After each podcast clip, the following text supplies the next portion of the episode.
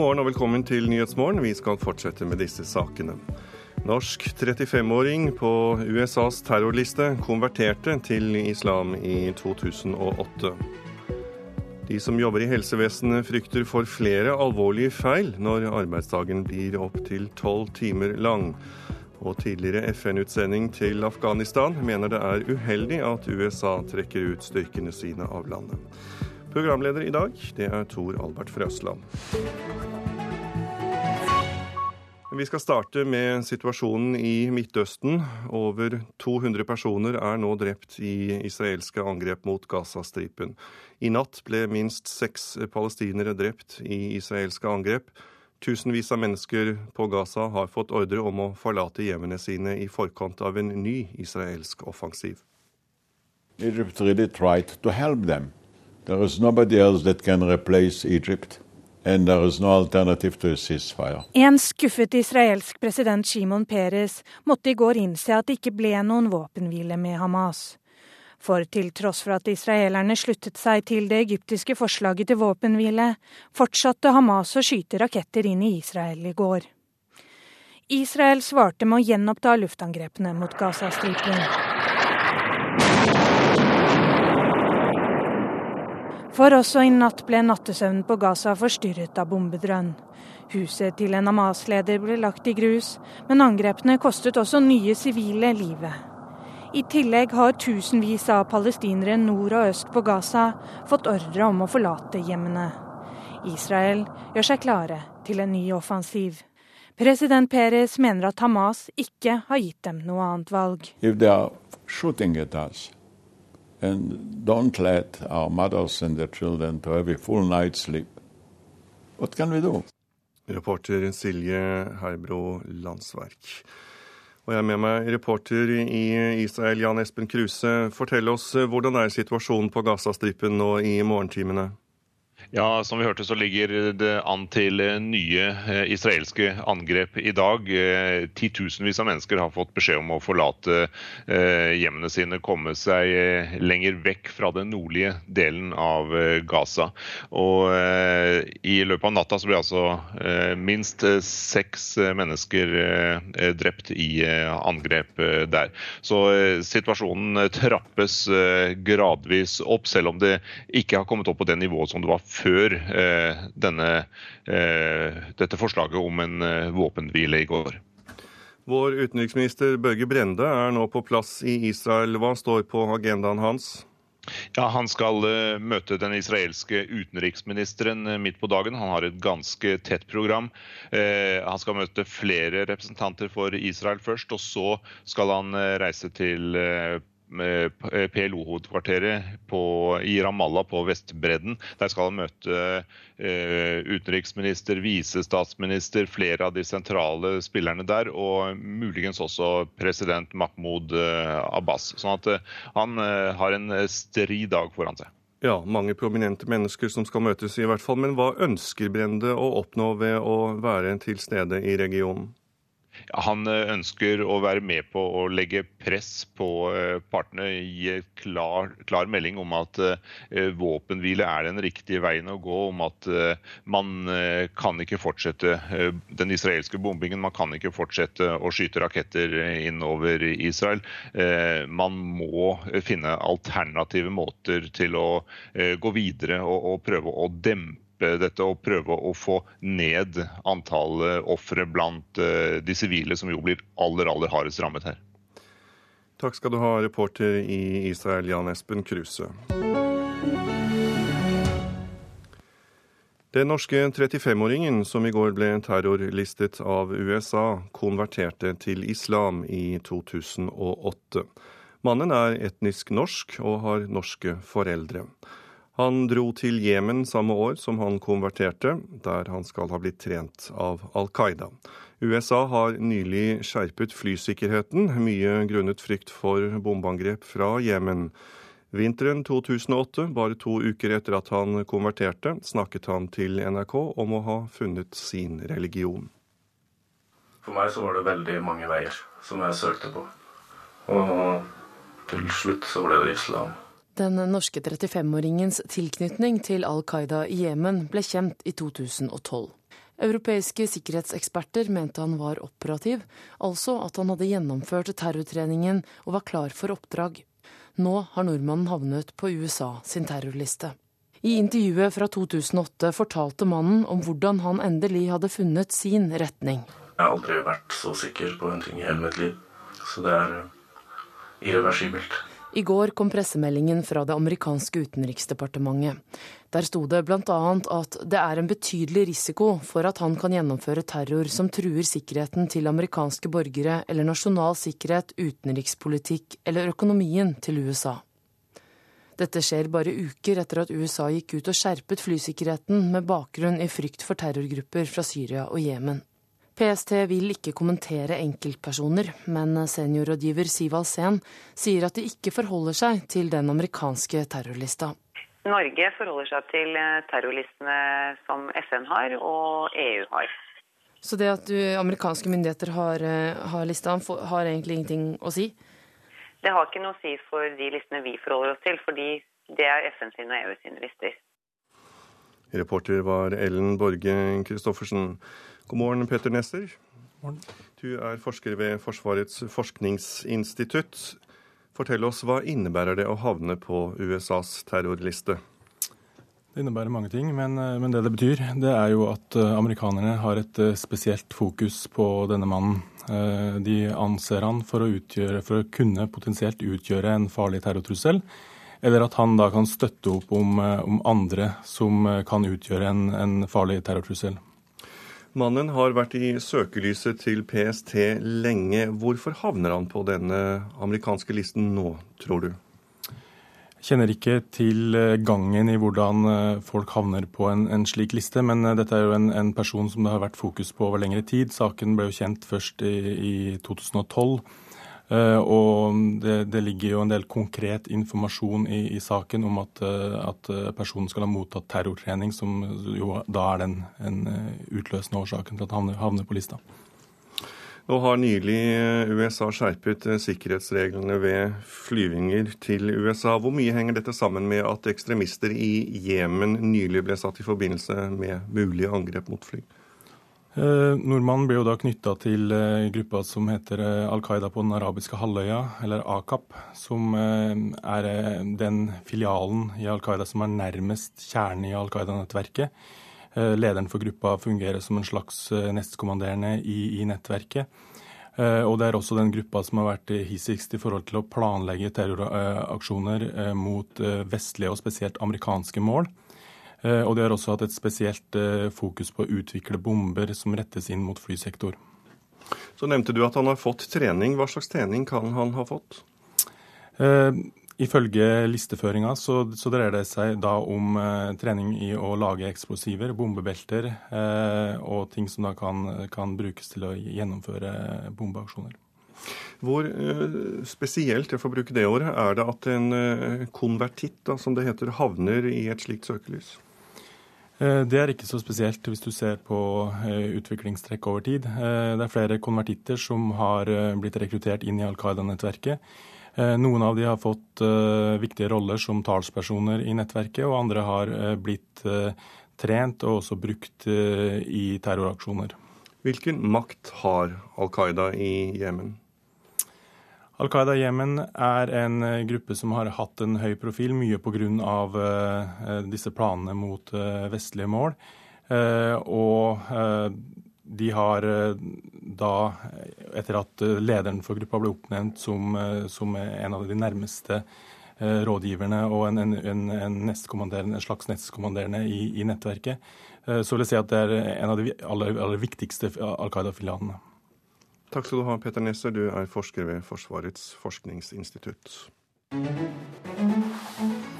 Du har radioen din på Nyhetsmorgen. Klokken den har passert sju med tolv minutter, og dette er hovedsakene. De som jobber i helsevesenet frykter for flere alvorlige feil når arbeidsdagen blir opptil tolv timer lang. Tidligere FN-utsending til Afghanistan mener det er uheldig at USA trekker ut styrkene sine av landet. Og båtfolket er dårlige til å bruke septiktanken. Lar heller dritten gå rett over relingen. Det skal du få høre mer om senere.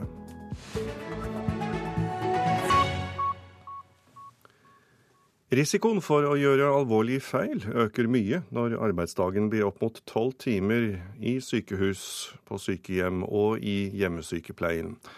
Det mener over halvparten av de 2200 ansatte i en undersøkelse Sentio har gjort for Fagforbundet. Hjelpepleier Elin Kvarkekval Hansen fra Drammen er tillitsvalgt og er veldig glad i turnus. Selvfølgelig går det en grense.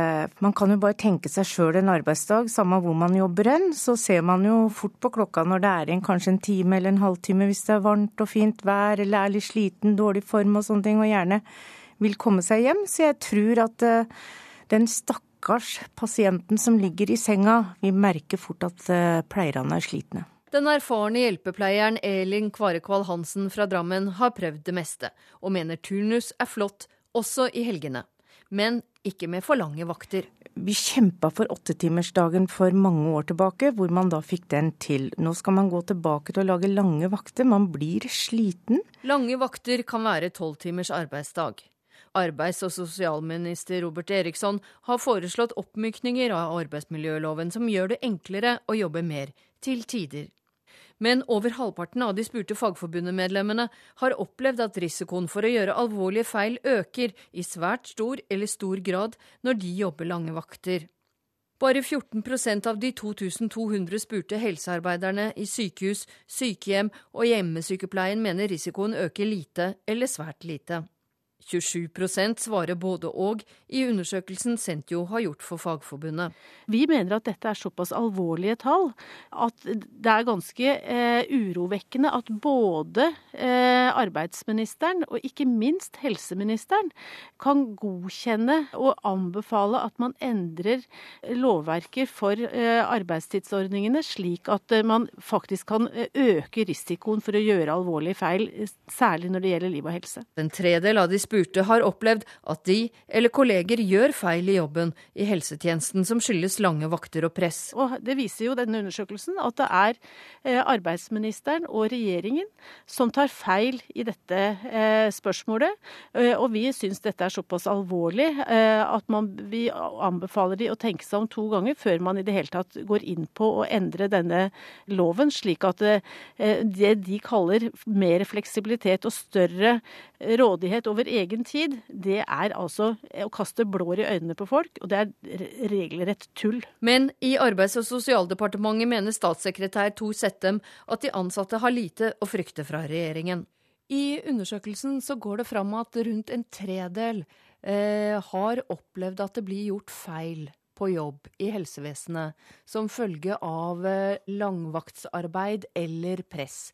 Er ikke det betenkelig? Det er absolutt betenkelig, eh, men dette skjer altså innenfor det systemet som vi har i dag. Eh, og Det er jo ikke slik at vi ønsker at flere skal jobbe lengre vakter enn i dag, men det vi prinsipielt ønsker, er å flytte den eh, beslutninga om å inngå avtale ned på lokalt hold, altså lokale tillitsvalgte som kan inngå med lokale arbeidsgiver, og at ikke sentrale fagforeningene i Oslo skal kunne overprøve den beslutninga. Reporter var Hedvig Bjørgum. Havøysund helsesenter i Måsøy kommune i Finnmark har forsøkt ordningen med lange turnuser for ansatte. Og jeg har med meg Sissel Amundsen, du er både hjelpepleier og tillitsvalgt i Fagforbundet i Måsøy. Fortell, hva er erfaringene til deg og dine kolleger? Erfaringene våre det er jo eh, at eh, vi har eh, klart å, å dekke helgen vår, som har hatt store hull. Med mange små stillinger ufaglærte som har gått i de små stillingene. Og vi har jo også klart å få eh, flere sykepleiere til, eh, til Mosse kommune. Det er jo de positive erfaringene vi har. Ja, Har du noen negative å trekke frem? Negative er jo det at eh, lange vakter Det sier seg jo sjøl, som vi hørte tidligere i sendinga, at, at, man kan jo bli sliten. Og som sagt, på, på, slutten av dagen så kan det jo være at man ikke yter det man egentlig bør gjøre. Hva tenker du om det som tillitsvalgt? Eh, jeg, ikke, jeg, har ikke lyst til å gå inn på en sånn fast avtale på, på å gå eh, langturnus, langvakter. Men hvordan opplever brukerne dette? Altså brukerne, det, det, har vi jo prata om, vi som, gått, som, vi som, går i langvakter. At brukerne føler jo en mer kontinuitet ved at vi er, vi er til stede lengre tid av gangen. Så på den måten så kan det jo være positivt. Du sa at eh, mot slutten av vakta så yter eh, dere kanskje ikke det som er forventet av dere. Hva tenker du om eh, nettopp det? Det er jo ikke bra. Det, det sier seg jo sjøl at, at, det kan være Man skal jo yte maksimalt så lenge man er på jobb. Jeg har sjøl gått i, selv gått i, i helgeturnus, langvakt i helgeturnusen. Og jeg har kutta ut den ene helga fordi at jeg syns det ble for tungt. Men eh, dere fortsetter altså med de lange turnusene, etter hva jeg forstår. Hva synes du om det? Altså, Så lenge det behovet er hos oss, så,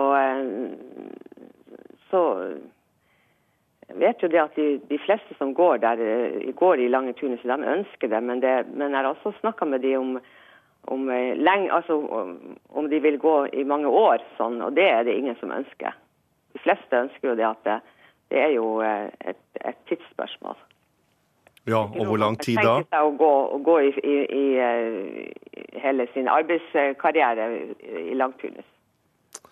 Takk skal du ha, Sissel Amundsen. Du er både hjelpepleier og tillitsvalgt i Fagforbundet i Måsøy.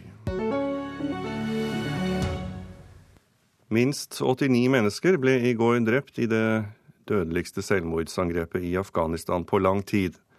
Landet har hatt en markant økning i antall sivile drap det siste halvåret. Kai Eide, som var FNs tidligere spesialutsending til Afghanistan, men som nå er ved tenketanken eh, Brookings i Washington DC, er bekymret over situasjonen. Jeg tror den er forverret. Eh, vi har sett eh, altså 24% økning i sivile tap de første seks månedene i forhold til samme tid i fjor. Det har vært angrep mot tsjekkiske militære, mot mineryddere. Og så dette store angrepet i Paktika som vi så i går. Hva er årsaken til at volden blusser opp igjen?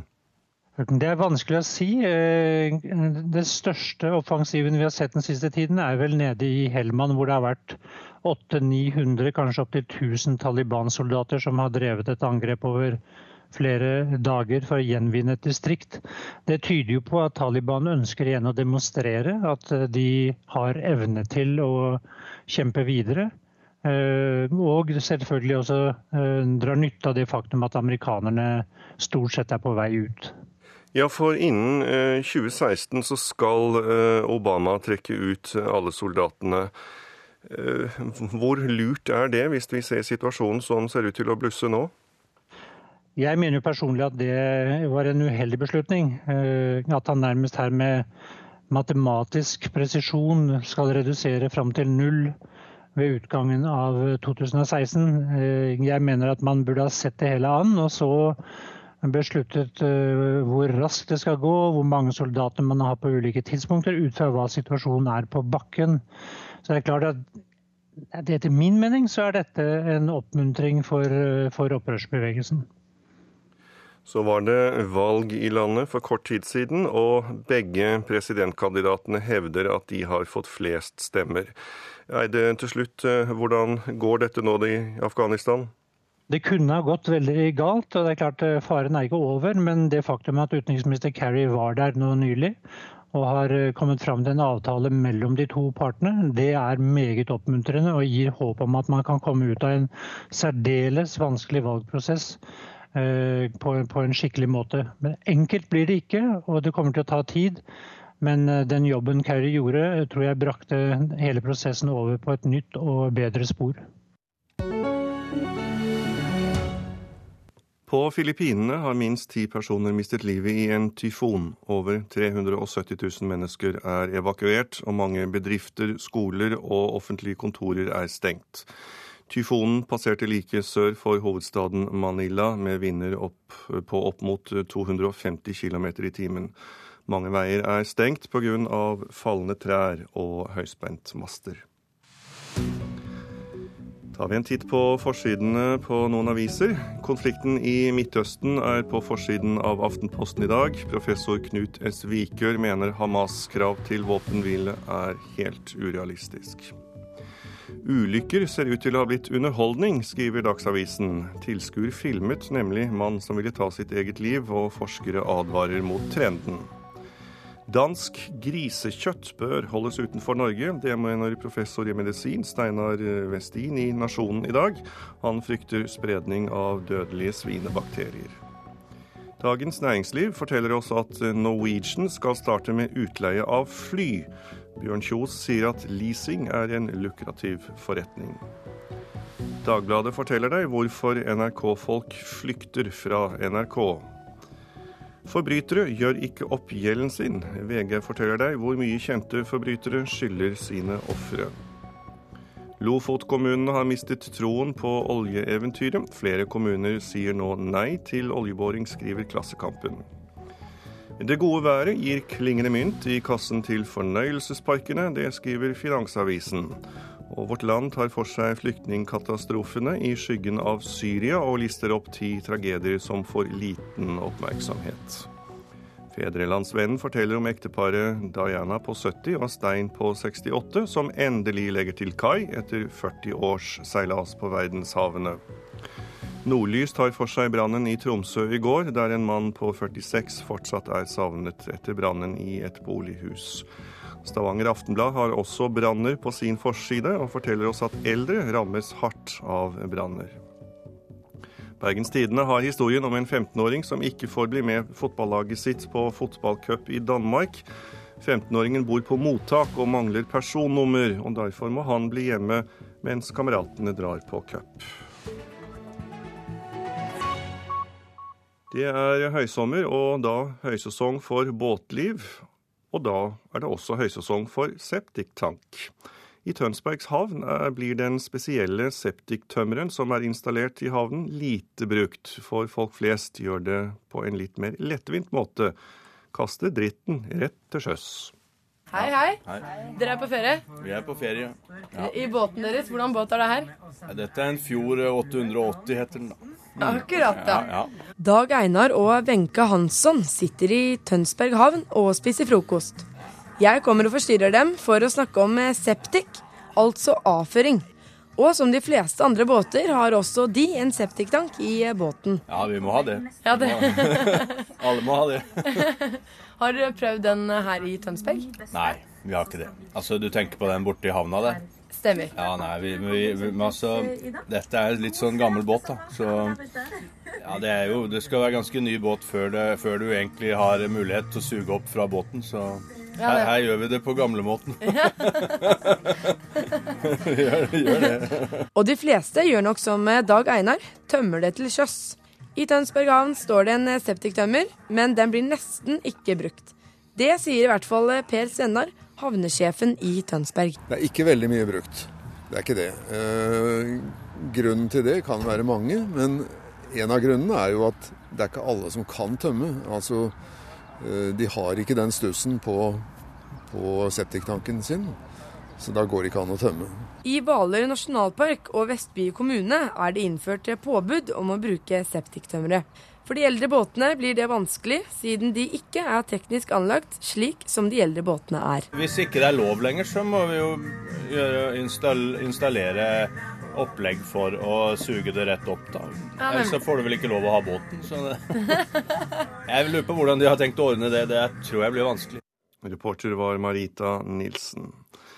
Aldri har så mange gått til toppen av Hallingskarvet, Buskeruds høyeste fjell. 37 000 mennesker gikk i fjor sommer opp den nye steinsatte trappen, og i år kan det bli enda flere. Lena Totland fra Bergen er blant dem som har tatt turen mange ganger. Det går veldig fint. Det er jo helt fantastisk å gå opp hver. Hva syns du om at den er steinlagt, da? Jeg syns det er veldig flott, for da får jo flere mulighet til å gå der barn og hunder, f.eks. Barn og hunder, ja. Det er, det er, det, du kan bli litt lurt her i bånn. Det, det står én kilometer, men det er ganske bratt. Det er ganske bratt. Du blir godt svett hvis du går fort på, ja. ja. Må ta det som en tur, da. Ta det som en tur, ja. ja. ja. Men i dag skal dere til, til Arne Næss sin hytte? Det hadde vi tenkt, ja. ja. Der har ikke vi vært før, så vi tenkte å gå bort dit. Det er litt lenger, det, da. Det er det, ja. det er ikke mer enn fem kilometer, står det. Nei, nei. nei. Det blir fin tur. Ved bunnen av trappa trefte vi to niåringer som begge gledde seg til å gå trappa.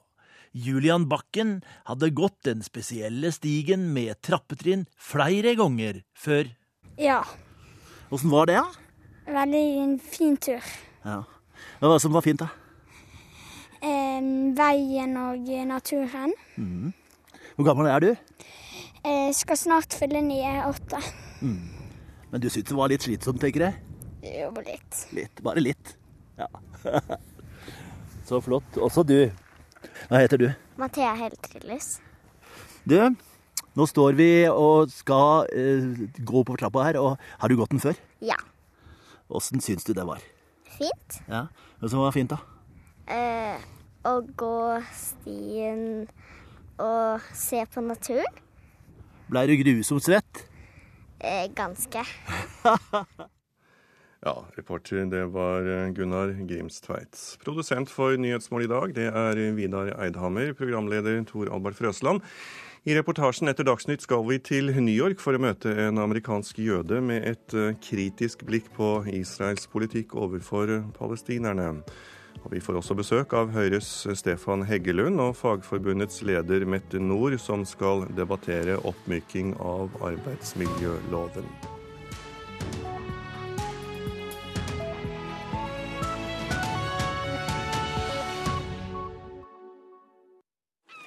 Sommer i P2. Jeg heter Matti Goksøren. Jeg er idrettshistoriker. Og i Sommer i P2 i dag skal du få høre hvordan det gikk til når jeg endte opp som Southampton-supporter. Sommer i P2. Kjente stemmer inviterer deg nærmere. I dag klokken ti.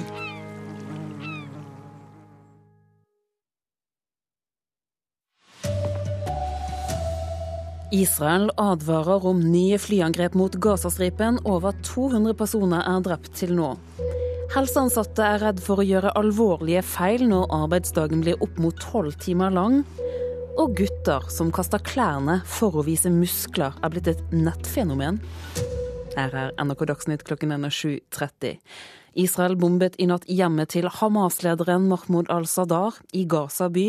Nå er over 200 personer drept i israelske angrep mot Gazastripen, ifølge nyhetsbyråene. Vi skal til vår reporter i Israel, Jan Espen Kruse. Hva vet du om disse angrepene? Ja, eh, Den eh, israelske hæren går nå målrettet mot eh, hjemmene til Hamas' ledere og medlemmer av Hamas. I løpet av natten skal minst seks mennesker ha mistet livet i disse angrepene. Og selv om de bomber hjemmene til disse Hamas-folkene, så rammes også naturligvis mange sivile i angrepene, som ikke ennå har kommet opp på det tidligere nivået, men de advarer nå om at de kommer sannsynligvis i løpet av dagen eller de nærmeste døgnene. Samtidig hører vi at en tidligere etterretningssjef for Israel mener at den israelske regjeringen nå bør innlede forhandlinger med Hamas. Det melder CNN. Og hvorfor det? Ja, han, eh, Denne tidligere etterretningslederen sier at eh, det Israel har gjort overfor Hamas hittil, har vært fullstendig mislykket. Disse flere omgangene med krig og bombing det fører ikke til noe. Han mener at det eneste som vil føre til resultater, er forhandlinger, og at eh, Hamas ikke er den verste gruppen islamister i denne regionen. At det går an å forholde seg til dem, og da vil man kunne oppnå en mer fredelig utvikling, sier han. Dette er én stemme i Israel. Men hvordan er debatten om hvordan landet skal forholde seg til Hamas? Ja, den store majoriteten den ville vil ikke gå inn på kompromisser med Hamas eller forhandlinger med Hamas. Men det som er interessant er at det kommer stadig flere utspill fra sentrale aktører, sånn som denne tidligere etterretningssjefen. Og de går inn for en annen holdning. Alle de peker på nettopp det samme, at eh, det ikke har ført fram den politikken regjeringen hittil har ført overfor Hamas. Så det er en bevegelse på gang, men eh, majoriteten i Israel er ikke moden for dette. Jan Espen Kruse, takk for at du var med oss fra Israel. Risikoen for å gjøre alvorlige feil øker når arbeidsdagene blir opp mot tolv timer lange i sykehus, sykehjem og i hjemmesykepleien. Det mener over halvparten av de 2200 ansatte i en undersøkelse Sentio har gjort for Fagforbundet. Hjelpepleier Elin Kvaredal Hansen fra Drammen er en av dem som er skeptisk. Selvfølgelig går det en grense. Man kan jo bare tenke seg sjøl en arbeidsdag, samme hvor man jobber hen. Så ser man jo fort på klokka når det er igjen kanskje en time eller en halvtime hvis det er varmt og fint vær eller er litt sliten, dårlig form og sånne ting, og gjerne vil komme seg hjem. Så jeg tror at uh, den stakkars pasienten som ligger i senga, vil merke fort at uh, pleierne er slitne. Det er regjeringen som åpner for lengre dager med en oppmykning av arbeidsmiljøloven. Leder Mette Nord i Fagforbundet mener undersøkelsen viser at lange arbeidsdager kan bety flere alvorlige feil i helsevesenet. Vi mener at dette er såpass alvorlige tall at det er ganske eh, urovekkende at både eh, arbeidsministeren og ikke minst helseministeren kan godkjenne og anbefale at man endrer lovverket for eh, arbeidstidsordningene, slik at eh, man faktisk kan eh, øke risikoen for å gjøre alvorlige feil, særlig når det gjelder liv og helse. Lange vakter kan være tolv timers arbeidsdag. Og arbeids- og sosialminister Robert Eriksson har foreslått oppmykning av arbeidsmiljøloven, som vil gjøre det enklere å jobbe mer, til tider. Men over halvparten av de spurte fagforbundemedlemmene har opplevd at risikoen for å gjøre alvorlige feil øker i svært stor eller stor grad når de jobber lange vakter. Bare 14% av de 2200 spurte helsearbeiderne i sykehus, sykehjem og hjemmesykepleien mener risikoen øker lite eller svært lite. Men i Arbeids- og sosialdepartementet mener statssekretær Tor Settem at de ansatte har lite å frykte fra regjeringen. Og Det er jo ikke slik at vi ønsker at flere skal jobbe lengre vakter enn i dag, men det vi prinsipielt ønsker er å flytte den eh, beslutninga om å inngå avtale ned på lokalt hold, altså lokale tillitsvalgte som kan inngå med lokale arbeidsgiver, og at ikke sentrale fagforeningene i Oslo skal kunne overprøve den beslutninga. Du kan eh, lese mer om dette på nrk.no. Det blir også debatt i Nyhetsmorgen på NRK P2 om få minutter. Reportere var Hedvig Bjørgum og Linn Krogland. Nordmannen som nå er satt på USAs terrorliste, tilhører en svært aktiv del av Al Qaida, mener forsker. 35-åringen er etnisk norsk, han har norske foreldre og dro til Jemen samme år som han konverterte, der han skal ha blitt trent av Al Qaida. USA har nylig skjerpet flysikkerheten, mye grunnet frykt for bombeangrep fra nettopp Jemen. Det forteller forsker ved Forsvarets forskningsinstitutt, Petter Nesser. Det det betyr er at eh, amerikanerne har et spesielt fokus på vedkommende. Eh, Dvs. Si at de anser han som en eh, potensielt farlig terrortrussel. Eller at han kan være med på å støtte opp rundt farlige terrortrusler. Den norske 35-åringens tilknytning til Al Qaida i Jemen ble kjent i 2012. Europeiske sikkerhetseksperter mente han var operativ, altså at han hadde gjennomført terrortreningen og var klar for oppdrag. Nå har nordmannen havnet på USA sin terrorliste. Nordmannen antas jo å være tilknytta gruppa som heter Al Qaida på den arabiske halvøy eller AKAP. Eh, og Det er en, en gruppe som, eh, som, er nærme kjernen i Al Qaida-nettverket. Og som også er den gruppa som har vært eh, hissigst de siste årene på å angripe mål i, i Vesten, eller å planlegge angrep mot, mot, mål i Vesten, særlig amerikanske mål. De har også hatt et spesielt fokus retta inn mot flysektor, og de har en, en bombemaker som, som lager spesielt avanserte bomber, som er spesielt Eh, retta inn mot flysektoren. PST vil ikke kommentere enkeltpersoner, men seniorrådgiver Siv Alsen sier at de ikke forholder seg til den amerikanske terrorlista. Det har ikke noe å si for de listene vi forholder oss til, fordi det er FN sine og EU sine lister. Reportere her er Borge Christoffersen og Kaspar Fuglesang. Straffedømte som ikke betaler erstatningen de er dømt til å betale til ofre, skylder 650 millioner kroner til staten, ifølge tall fra Statens innkrevingssentral. Det skriver VG. Statens innkrevingssentral sier det er vanskelig å få til innkreving pga. begrenset inntekt og ingen formuegoder for de kriminelle. Gutter og unge menn som kler av seg, har blitt et fenomen på sosiale medier. På bildedelingstjenesten Instagram florerer bildene av veltrente gutter som poserer foran kamera. Ekspert på spisevegring mener at kroppspresset mot menn aldri har vært større enn nå. Nå jobber du bra, Henriksen. På et treningssenter i Oslo pumper Petter Henriksen brystmuskler og når han er ferdig med ei økt, fisker han gjerne fram mobilen. Her ned i speilet og ta noen, eh, ta noen runder med noen bilder og Synes det er gøy. Petter er en av mange unge menn som deler lettkledde bilder på sosiale medium som Instagram. Der finnes det over 23 000 bilder med emneknagger som Sommerkroppen 2014 og SK 2014. Også på YouTube kaster mennene klær. I videoen Sixpack Shortcuts, sett over 16 millioner ganger, viser en muskuløs mann i bar overkropp veien til vaskebrettmagen. Professor ved Norges idrettshøgskole, Jorunn Sundgodt Borgen, tror slike råd kan være helseskadelige. Kombinasjonen av eh, de treningsregimene og de kostholdsregimene som mange da legger ut, det er helt vanvittig og fører ikke til eh, helsefremmende atferd. Men for Petter er treninga uunnværlig. Han trener for å se bra ut. Når man går på stranda og man får lange blikk og gode tilbakemeldinger, det er det som er moro. Reporteren, det var Lars Ivar Nordahl. Alexander Kristoff er klar for en ny tøff Tour de France-etappe etter årets første hviledag i går. Kristoff har slitt med mageproblemer. Han sier selv at han har gått ned tre kilo, uten at det bekymrer 27-åringen. Det kommer fort tilbake de kiloene, sånn, så det tror jeg ikke skal bli noe problem. Alexander Kristoff er optimistisk etter å ha slappet av på årets første hviledag i Tour de France. I dag venter en etappe med flere stigninger, og selv om det ikke er den hardeste etappen i årets ritt, så tror Kristoff det blir vanskelig å henge med. Det er såpass mange gode klatrere at det går kanskje litt for fort. Hadde det vært et annet type løp, så hadde jeg kanskje hatt litt flere sjanser, men uh, her er jeg tross alt i verdens beste med, så da, da, da blir det tøft. Men jeg, jeg føler jeg har vært ganske nærme på de halvharde dagene, så, så det mangla bitte litt den siste bakken hver dag. Og reporter her, det var Henrik Agledal. Ansvarlig for denne Dagsnytt-sendingen det er Bjørn Christian Jacobsen. Det er Hilde Tosterud som styrer med teknikken. Her i studio, Turi Grønbekk.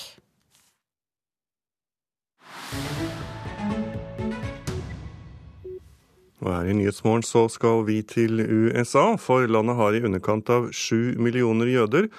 Og av dem sier sju av ti at de har en følelsesmessig tilknytning til Israel.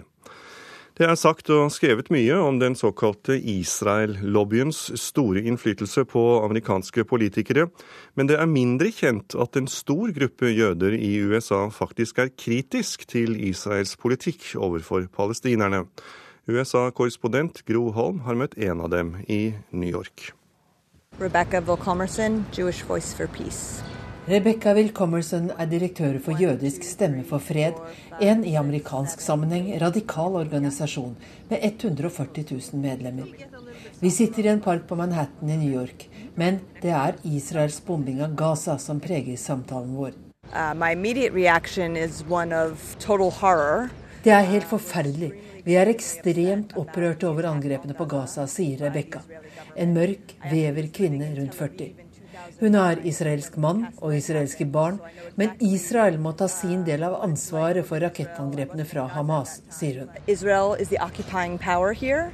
That Gaza, even when it's not being under attack as it is these days, is under siege. Israel er den okkuperende makt her, og Gaza er under beleiring. Folk kan ikke dra ut når de vil. De har ikke kontroll over sin egen økonomi eller over vann. De har enorme kloakkproblemer, ikke adgang til helse og utdanning som er nødvendig for å leve et normalt liv, og de er atskilt fra resten av Palestina, sier Rebekka.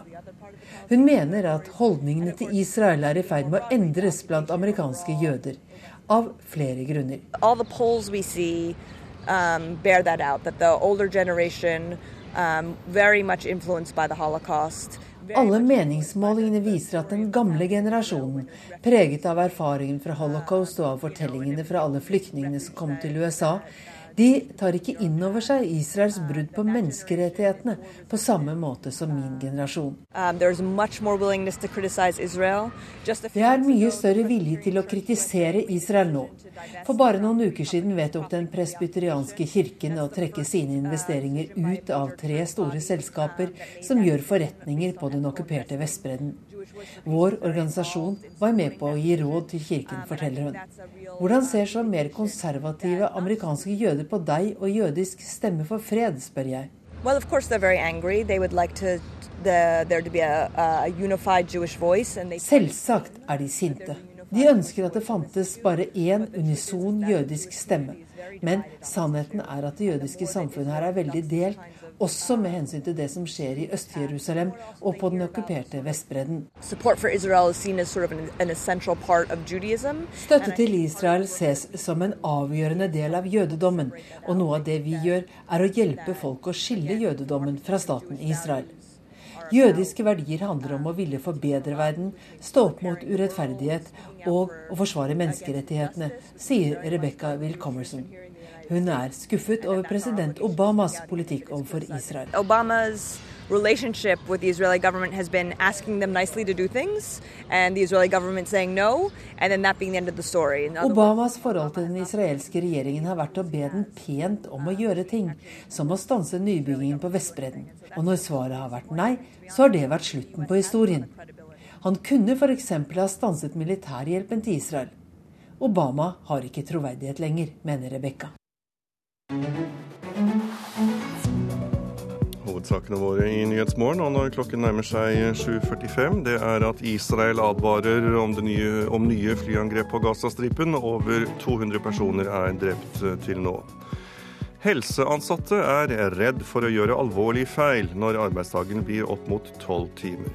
Og tidligere FN-utsending til Afghanistan, Kai Eide, mener det er uheldig at USA trekker ut styrkene sine av landet. Blir det farligere å være pasient hvis en sykepleier har jobbet i over tolv timer? Regjeringen vil nemlig myke opp arbeidsmiljøloven, slik at det blir lov med vakter på 13 timer. Men så har vi hørt om Fagforbundets undersøkelse i morges. 51% av deres medlemmer som jobber i sykehus, på sykehjem og i hjemmesykepleien, svarer at risikoen for å gjøre alvorlige feil øker når de jobber lange vakter. Stefan Heggelund fra Høyre, du sitter i arbeids- og sosialkomiteen på Stortinget. Hva forteller denne undersøkelsen deg? Det forteller at arbeidstid er noe vi må ta på alvor. Og det er klart at denne undersøkelsen eh, gjør inntrykk. Det er også grunnen til at man har eh, satt i gang en prosess hvor man skal eh, Man har sendt ut forslag om endringer i arbeidsmiljøloven på høring. Så skal man få innspill fra de som ønsker å sende innspill, også fra partene, fagbevegelsen og arbeidsgiverorganisasjoner. Og, eh, men det er nok ikke Og så skal man konkludere og sende til Stortinget, og så skal vi behandle det der. Men at vi må gjøre noe med en arbeidsmiljølov som ofte er litt for rigid, tror jeg ikke det er noe tvil om. Fordi vi har eksempler fra Trondheim kommune. Der eh, hadde man et år hvor man brøt arbeidsmiljøloven 26 000 ganger. Helse Sør-Øst avdekket rundt 50 000 brudd på arbeidsmiljøloven i løpet av et år. Og leder ved akuttklinikken ved Oslo universitetssykehus har sagt til Dagsavisen at det ikke er mulig for ham å ivareta kvalitet og pasientsikkerhet uten å bryte arbeidsmiljøloven flere tusen ganger i året. Denne endringen eh, i arbeidsmiljøloven som dere går inn for, og som, som Dag du sier bl.a. er ute på høring nå, tror du motstand mot endringer kommer til å prege svarene? Jeg tror eh, vi vil se en situasjon der hvor vi har eh, konstruktivitet, først og fremst. Ikke alle vil være enig i alle forslagene. Eh, jeg tror ikke alle nødvendigvis er mot alle forslagene heller. Det er en del forslag som er sendt ut. Eh, men vi trenger nok en arbeidsmiljølov som er bedre tilpasset dagens moderne arbeids- og ikke minst familieliv. Og det mener vi at eh, de forslagene her kan bidra til. Så du endrer altså ikke mening, til tross for massiv motstand som det kom frem i undersøkelsen som vi har referert til tidligere? Vel, Jeg er spent på å se de høringsinnspillene. Nå vet vi også at det er kommet en litt utsatt frist på det. Fordi man trenger, eh, noen har trengt litt bedre tid til å gi grundige svar. Så jeg gleder meg til å se eh, de innspillene som, eh, som, kommer. Eh, men når man får så mange signaler på at vi trenger å gjøre noen endringer i arbeidsmiljøloven mm. for at det skal være mulig å drive altså drive et sykehjem, drive et sykehus uten å bryte arbeidsmiljøloven flere ganger i løpet av et år, ja, da må vi også ta det på alvor. Skal vi også si god morgen til Mette Nord. Du er leder i Fagforbundet med på telefon. Hadde du tro på at Heggelund ville endre mening? Nei, altså det har vært et uh, veldig uh, klart, uh, klar, klart, budskap fra Høyre og Frp nå over lengre tid om at man ønsker denne endringen.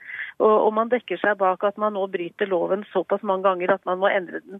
Og Det er jo litt underlig. Man, man opphever ikke loven om alkoholforbud og bilkjøring fordi man tar mange for fyllekjøring det, er jo heller kunnskap om arbeidsmiljøloven som må ut til eh, ledere. Og så har vi et annet problem i helsevesenet, og det er at det er ekstremt mye deltid. Så den kvalitetshevingen man etterspør fra Heggelunds side, den kunne man også ha fått ved å sørge for at man har mer heltid og sikre kvaliteten gjennom den type systematisk arbeid, istedenfor eh, å oppheve eh, arbeidstidsreguleringene, som faktisk er et helse-, miljø- og sikkerhetstiltak for ikke bare den ansatte, men også tredjepart i denne situasjonen. Nord, hva slags feil er det du frykter med lange vakter? Nei, Det at man kan gjøre feil vurderinger og da begå alvorlige feil som får følge for, for, pasientene, er jo den største eh, og mest alvorlige eh, risikoen. Den andre er jo at du påfører den enkelte helsearbeider også betydelig, en betydelig risiko og et personlig ansvar ved at man kan gjøre feil. Eh, og det at man har såpass tydelig dokumentasjon både fra Stamis rapport og det våre medlemmer sier i forhold til at de både selv har gjort feil og sett at kollegaer gjør feil når arbeidstidens lengde eh, er for lang. Eh, det syns jeg bør være såpass eh, alvorlige signaler at man tar det på største alvor og ikke påfører arbeidslivet og helsevesenet større risiko enn det som man faktisk trenger. Heggelund. Men altså for det første, å sammenligne dette med å kjøre i alkoholpåvirket tilstand, det syns jeg blir litt søkt. Men det er jo sånn at Mette Nord også har medlemmer som eh, ønsker endringer i arbeidsmiljøloven. Vi har, sett, vi har, sett, vi har sett et eksempel i Bergen, Ladegården sykehjem. Ja, det finnes sikkert nok av eksempler, jo, men, jeg, men, men, men, men Mette Nord sier også at kunnskap om arbeidsmiljøloven bør ut til lederne. Har hun ikke et poeng der? Jeg tror, Jo, det, akkurat det tror jeg er et ganske relevant poeng. Altså, jeg tror mange ledere forstår arbeidsmiljøloven, men jeg tror også en del ledere har, har utfordringer med den. Og jeg mener også at man øh, burde ha en arbeidsmiljølov som er, for å si det på den måten, mer tilgjengelig for de som skal bruke den. Men jeg har allikevel lyst til å ta de eksemplene uh, hvor Mette Nord har medlemmer som uh, mener at dagens arbeidsmiljølov kan være litt for rigid. Ladegården ja, sykehjem, der, hvis jeg kan få fullføre, vær så snill.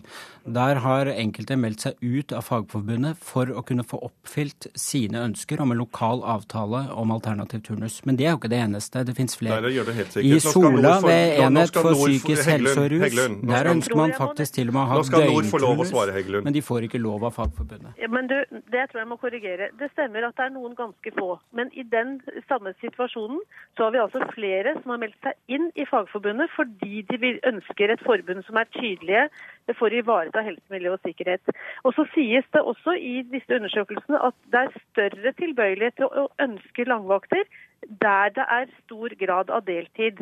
Så det er deltiden i seg selv som er årsaken til at man da ønsker eh, å få større stillingsbrøk. Og hvis det er eneste alternativet, så blir det også svaret. Så her må man faktisk nyansere.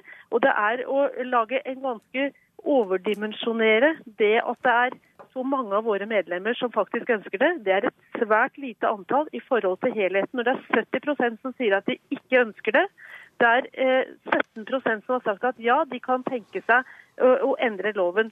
Da kanskje vi skal ta eh, flertallet. Eh, når det er så massiv motstand, og det er såpass mange som sier at det er større risiko for å gjøre feil ved langvakter. Over 51% sier det, og flere har altså sett og opplevd det selv. Takk. Det nå, eh, da må jeg stille et spørsmål til Heggelund her, for vi eh, skifter litt tema. Vi har også hørt en tillitsvalgt tidligere i sendingen fortelle at lange vakter gjør at det kan oppstå feil. Hvis dette viser seg da nå å føre til mer feilbehandling, hva gjør dere?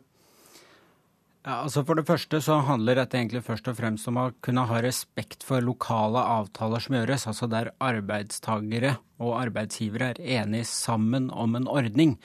Og det er det som er litt av problemet i dag. Der arbeidstagere ønsker en alternativ turnusordning, så hender det at de får nei eh, fra eh, Fagforbundet sentralt, selv om de ønsker det selv. Og da mener jeg faktisk at man skal ha respekt for også de ansattes ønsker. Og det er ikke sånn at Ladegården sykehjem er det eneste eksempelet på det. Det ser man eksempler på nei. flere steder i landet. Men jeg har også da lyst til å si, i og med at Mette Nord tar opp deltid, så ser man jo også at forsøk med alternativ turnusordninger Eh, også kan føre til at det blir flere heltidsstillinger. Og det er jo noe vi absolutt alle ønsker, og som må være et gode. Ja, Er ikke det et uh, godt poeng, Nord? Det er, et, uh, det er et, viktig uh, tema, men det, man må jo på en måte ikke la det bli den eneste muligheten, det å ha langvakter for å få til hele stillinger. sånn at det er, Når du da sier at det er de lokale avtaler som skal telle, så ser vi også at det, i veldig stor grad så er det et for stort lokalt press på at man skal godkjenne den type ordninger, og at ikke det nødvendigvis er så eh, strålende enighet lokalt som det gis uttrykk for. Takk skal du ha, Mette Nord, leder i Fagforbundet, og takk også til Stefan Heggelund fra Høyre i arbeids- og sosialkomiteen på Stortinget. Da er det tid for dagens sommerprat her i Nyhetsmorgen.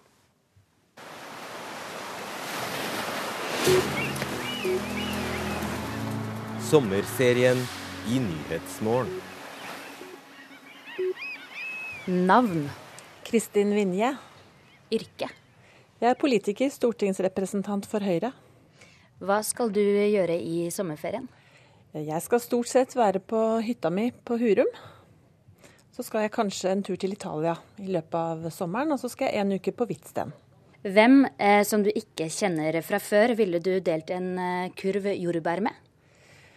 Oi, det var vanskelig. Ehm, jeg syns jo det hadde vært veldig hyggelig å møte Obama, da.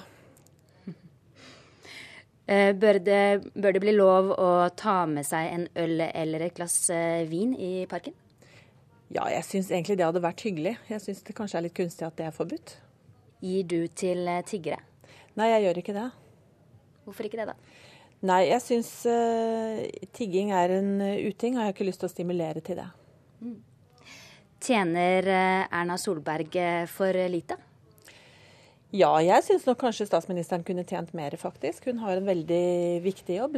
Hun styrer landet, så det, det hadde jeg ikke hatt noe imot. Men eh, jeg syns ikke det er et stort problem, hennes lønnsnivå. Men heller mer enn mindre. Vil du ha OL i Oslo i 2020, nei, 2022? Ja, det vil jeg veldig gjerne, og det håper jeg flere er med meg på. Det er et kjempespennende prosjekt, så det håper jeg virkelig vi får til.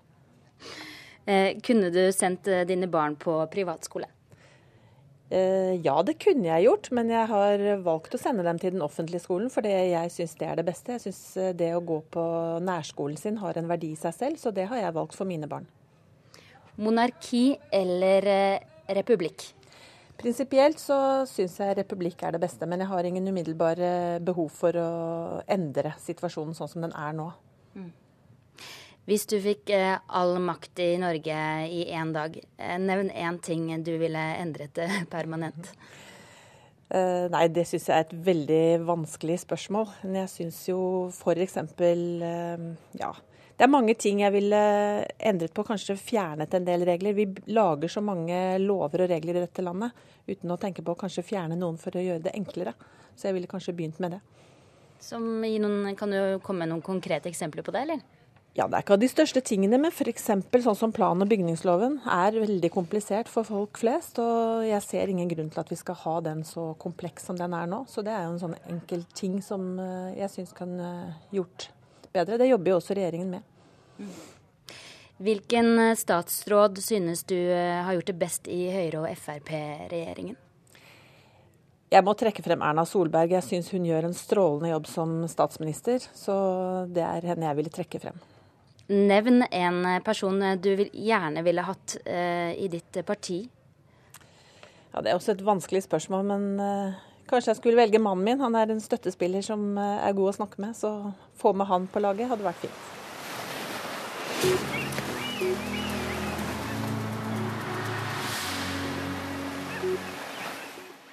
Kristin Vinje ble intervjuet av Sunniva Ottersen Bærug. Da skal du få høre hvordan været blir i dag. Telemark, Østlandet og fjellet i Sør-Norge. Vestlig bris, frisk bris utsatte steder først på dagen. I ettermiddag sørvestlig frisk bris på kysten. Enkelte regnbyger på fjellet og i indre strøk. Ellers opphold og perioder med sol. Agder vestlig bris, på kysten periodevis liten kuling. I ettermiddag sørvestlig stiv kuling fra Oksøy til Torungen. I kveld minkende til vestlig frisk bris. Det blir opphold og lange perioder med sol. Vestlandet sør for Stad. Vestlig opp i frisk bris. I ettermiddag minking til sørlig bris. Litt regn og yr, etter hvert opphold og perioder med sol. Møre og Romsdal skiftende bris. I ettermiddag sørvestlig frisk bris på kysten. I kveld minkende. Regnbyger og lokal tåke. Nordland og Trøndelag får nordvestlig bris, regnbyger. Perioder med sol i Trøndelag. En del tåkeskyer i Nordland. Troms Skiftende bris lengst nord, perioder med sørøstlig liten kuling. Opphold og en del sol først på dagen. Fra i ettermiddag regn, kan hende med torden, og en del tåkeskyer. Finnmark får sørøstlig bris i kyst- og fjordstrøkene liten kuling, periodevis stiv kuling. Det blir enkelte regnbyger på vidda, kan hende med torden. Nordensjøland på Spitsbergen får sørøstlig periodevis frisk bris og stort sett pent vær. Så er det morgentemperaturene som ble målt for en snau time siden. Svalbard lufthavn og Kirkenes begge ni grader. Vardø sju. Alta tolv. Tromsø-Langnes 17. Bodø og Brønnøysund begge 14. Trondheim-Værnes og Molde begge 15 så hadde både Bergen-Flesland, Stavanger og Kristiansand-Kjevik alle tre 14 grader. Gardermoen 15. Lillehammer 14. Røros 12. Og Blindern i Oslo hadde 16 grader klokken sju.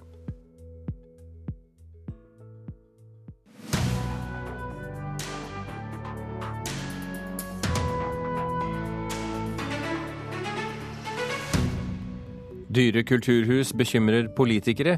I Bodø er varaordføreren redd for at helse- og skolebudsjettet skal skvises av det nye bygget. Gutter kaster klærne på Instagram for å vise frem sommerkroppen. Den nye teknologien gjør guttene til objekter også, mener kjønnsforsker. Og sterk kost, sier vår anmelder om den dramatiske oppveksthistorien i romanen 'Ingenbarnsland'. Du hører på Kulturnytt med Birger Kolsrud Jåsund i studio. Et av de dyreste kulturhus som er satt opp her i landet blir ferdig nå i sommer, men bygget i Bodø kan bli så dyrt å drifte at det fører til kutt i både helse og skole. Det frykter varaordføreren i byen. Kulturkvartalet har splittet politikerne i byen og ført til stor debatt, helt uavhengig av hva Halvdan Sivertsen oppfordrer til. Vi er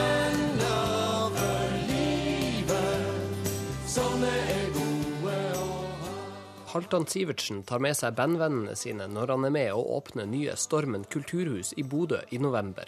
Men venner og vel forlikte er ikke politikerne når kulturbygget diskuteres. For med en prislapp på 1,2 milliarder kroner splitter det nye kulturkvartalet byens folkevalgte. Og bare få måneder før bygget åpner, frykter varaordføreren i Bodø at det nye bygget kommer til å bli for dyrt for kommunen. Nei, Vi har jo hatt en skepsis helt siden dette var i, på planleggingsstadiet. Det sier Tom Cato Karlsen. Karlsen mener at en ekstern rapport som i 2012 hadde kritiske innvendinger mot den budsjetterte drifta av Kulturkvartalet, fortsatt ikke er tatt hensyn til, og at en feilbudsjettering av drift kan få konsekvenser på andre områder i kommunen. Bedriftskompetanse påpekte jo eh, flere svakheter med eh, driftsbudsjettet på Kulturkvartalet. Og disse svakhetene eh, ser jeg ikke er tatt høyde for i ettertid. og Da er jeg fortsatt litt bekymra for hvordan dette kommer til å, å utarte seg. Og du kan si I den grad drifta av kulturkvartalet f.eks. blir dyrere enn planlagt, så er man nødt til å ta det inn på andre områder, altså andre sektorer. Det kan være skole, det kan være eh, helse osv. I rapporten bemerkes det at man ikke har tatt med utgifter til små reparasjoner og oppgraderinger, og utelatt scenetekniske kostnader, som i sammenlignbare kulturhus ble estimert til å koste ca. 4 millioner kroner. Men utgiftene har blitt tatt hensyn til i ettertid, mener Arild Nord fra Arbeiderpartiet og Kulturkvartalets styringsgruppe. Det er klart at det kan være ting som eh, ikke er helt eh, tatt høyde for, men eh, det har vært jobba veldig med det. Og ikke minst fra Kulturhusets side, som vi nå Konserthuset, hadde jo sett veldig på det her, og der de snakker om at noen ting kanskje drives privat, og at de gjør andre ting i egen regi.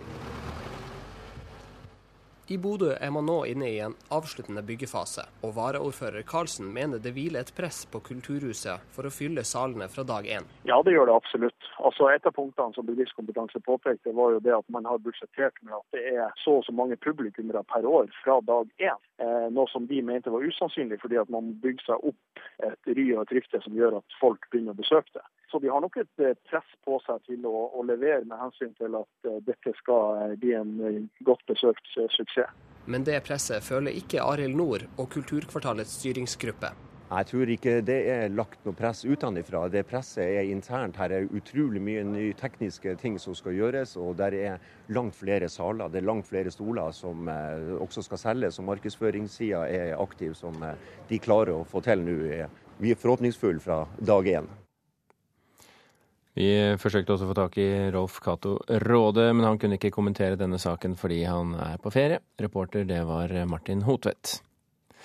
Også flere bygg som har åpnet de siste årene, klarer seg ikke uten offentlig støtte. De er dyre i drift, og verken billettinntekter eller private sponsormidler strekker til.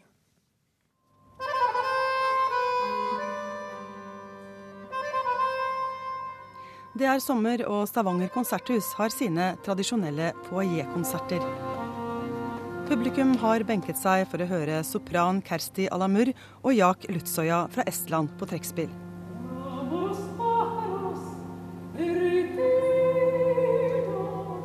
I september er det to år siden Stavanger fikk sitt nye konserthus til 1,2 milliarder kroner. Det har vært to gode år, sier direktør Per Harald Nilsson. Vi har hatt eh, gode overskudd eh, hvert år, og vi har eh, hatt betydelig høyere besøk enn egentlig noen hadde våget å, å håpe på. Hjertelig velkommen til Stavanger og Spellemannprisen. Her er CLMD. Med to saler har arrangementsfrekvensen økt med 250% siden åpningen. Over 243 200 publikummere besøkte Konserthuset i fjor.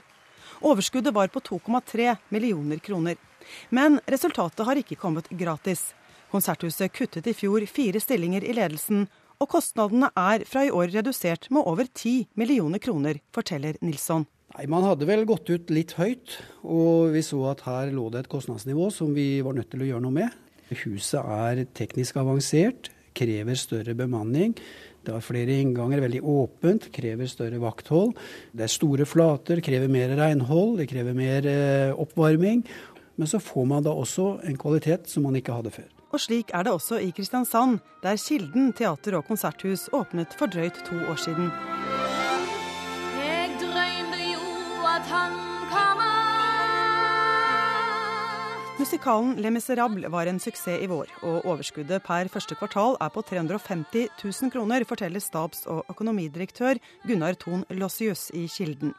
Kostnadsberegningene her har vist seg å stemme bra, men uten den årlige støtten fra kommune og fylkeskommune, som er på snaut 9,2 millioner kroner, hadde det ikke vært mulig å drive, sier Thon Lossius. Nei, det lar seg ikke gjøre. Veldig krevende mannskapsmessig, bl.a. Vi kan selvfølgelig redusere det kommunale bidraget ytterligere, men da går det på bekostning av noen av kjerneverdiene for driften og noen av hensiktene med å bygge det. Sier konserthusdirektør Per Harald Nilsson i Stavanger, og sikter bl.a. til programmet for det store Konserthusorgelet, en stor kunstnerisk, om enn ikke like stor kommersiell suksess. Da politikerne vedtok å bygge, var planen at Konserthuset skulle klare seg uten støtte. Realiteten er at Konserthuset fortsatt får 10 millioner kroner i året fra kommunen. Det sa reporter Anette Johansen Espeland. Og når jeg kom til å snakke om Rolf Cato Råde, som ikke kunne kommentere i forrige sak, så var det altså kultursjef ved Stormen kulturhus, Rolf Cato Råde. Kulturkommentator i NRK Agnes Moxnes, er drifting av nye kulturbygg en for dyr affære for kommunene?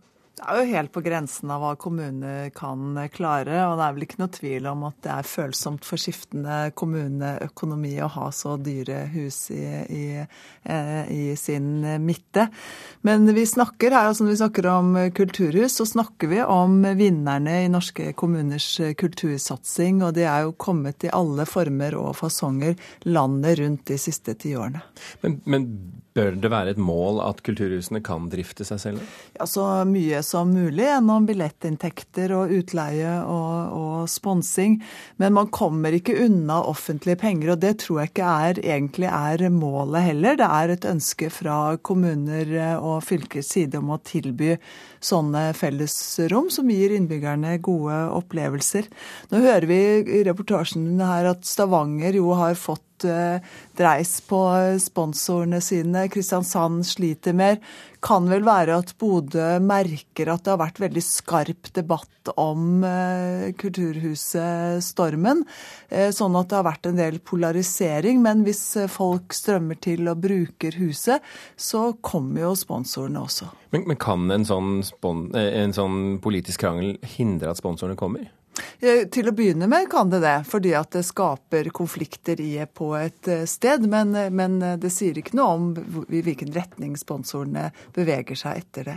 Men hvorfor skaper kulturhus så stor debatt, da?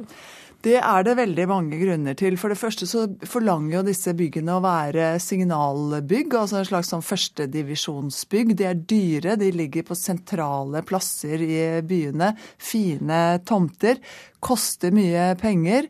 Mange opplever det som luksus når man samtidig sliter med å få ut penger fra kommunen til veier og utdanning og, og helse. Samtidig så er det veldig mange som ikke har noe forhold til det disse kulturhusene tradisjonelt har hatt å, hatt å by på, altså teater og bibliotek og konserter.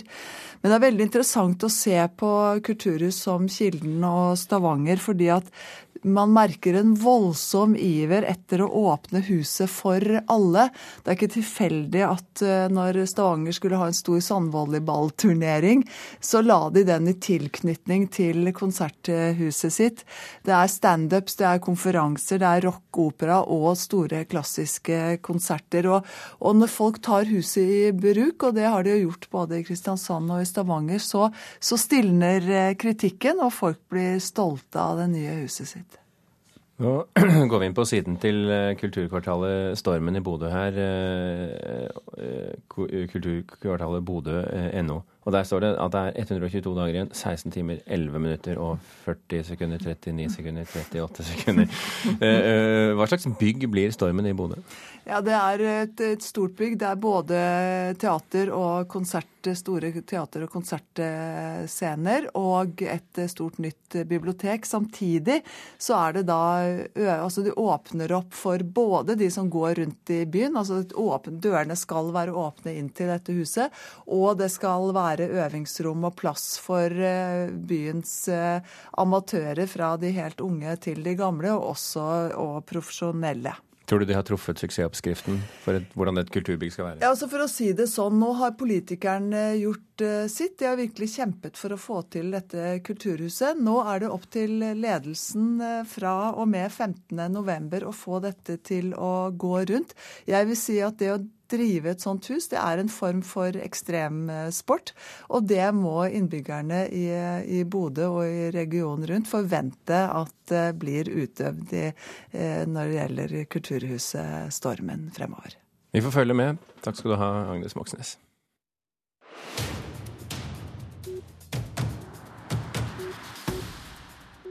Konflikten mellom Palestina og Israel blir også en propagandakrig på sosiale medier. Det skriver Dagens Næringsliv i dag. Den israelske hæren poster twittermeldinger hvor de legger skylden på Hamas for dødsfallene i Gaza, mens Hamas publiserer YouTube-videoer hvor de sender raketter mot Israel. Doktorgradsstipendiat ved Universitetet i Oslo, Anja Sletteland, forsker på kommunikasjon i konflikter og sier at palestinerne har fått større sympati internasjonalt, og at Israel derfor vil at det skal handle om selvforsvar. Tegneseriefiguren Archie er ikke lenger blant oss. I dag kommer det siste nummeret av tegneserien på norsk, og da blir den rødhårede ungdommen rett og slett drept. Han kaster seg foran en eh, kule for sin homofile venn Kevin. Archie så dagens lys i 1942 og har underholdt generasjoner av fans siden, men nå er det altså slutt. Klokken er eh, drøyt kvart over åtte. Du hører på Kulturnytt, og dette er toppsakene i Dagsnytt nå. Israel advarer om nye flyangrep mot Gazastripen. Ber 100 000 eh, mennesker evakuere Nord-Gaza. Over 200 personer er drept til nå. Helseansatte er redd for å gjøre alvorlige feil når arbeidsdagen blir opp mot tolv timer, men regjeringen vil myke opp arbeidsmiljøloven. Og tidligere FN-utsending til Afghanistan, Kai Eide, mener det er uheldig at USA trekker ut styrkene sine av landet. Eide mener dette vil oppmuntre opprørsbevegelsen. Gutter og unge menn som kler av seg, har blitt et fenomen på sosiale medier. På bildedelingstjenesten Instagram florerer bildene av veltrente gutter som poserer foran kamera. En ekspert på spisevegring sier at kroppspresset på unge menn er nå like stort som på unge kvinner. Nå jobber du bra, Henriksen. På treningssenteret Elixia Colosseum i Oslo pumper Petter Henriksen brystmusklene, medan kompisen Erik får han til å pushe seg enda litt lenger. Tolv timer i veka bruker Petter på å forme den perfekte kroppen. Er her, prøver å være her seks ganger i uka. Ja. Så prøver jeg å dra gjennom hele kroppen uh, to ganger. Jeg føler meg jo dårlig hvis jeg ikke har vært her en dag. Og når Petter er ferdig med ei treningsøkt, drar han gjerne av seg singleten og fisker fram mobilen. Her ned i speilet og ta noen, uh, ta noen runder med noen bilder og ja, litt sammen med kompiser og syns det er gøy. Petter er en av mange unge menn som legger ut lettkledde bilder av seg sjøl på sosiale medium. På bildedelingstjenester Instagram alene finnes det over 23 000 bilder med emneknagger som Sommerkroppen 2014 og SK 2014. En stor del av de som legger ut, er unge menn. Spesielt for menn er det nå en veldig tydelig definert kropp, som er den akseptable kroppen, og den kroppen som unge gutter og menn skal ha. Det sier professor ved Norges idrettshøgskole og ekspert på spiseforstyrrelser, Jorunn Sundgodt Borgen. Hun sier sosiale medium spiller ei viktig rolle når det gjelder kroppspress. Og det er ikke bare på Instagram at guttene kaster klær.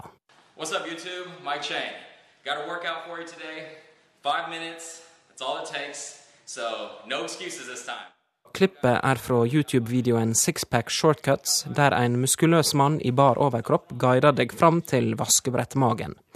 Klippet er sett over 16 millioner ganger.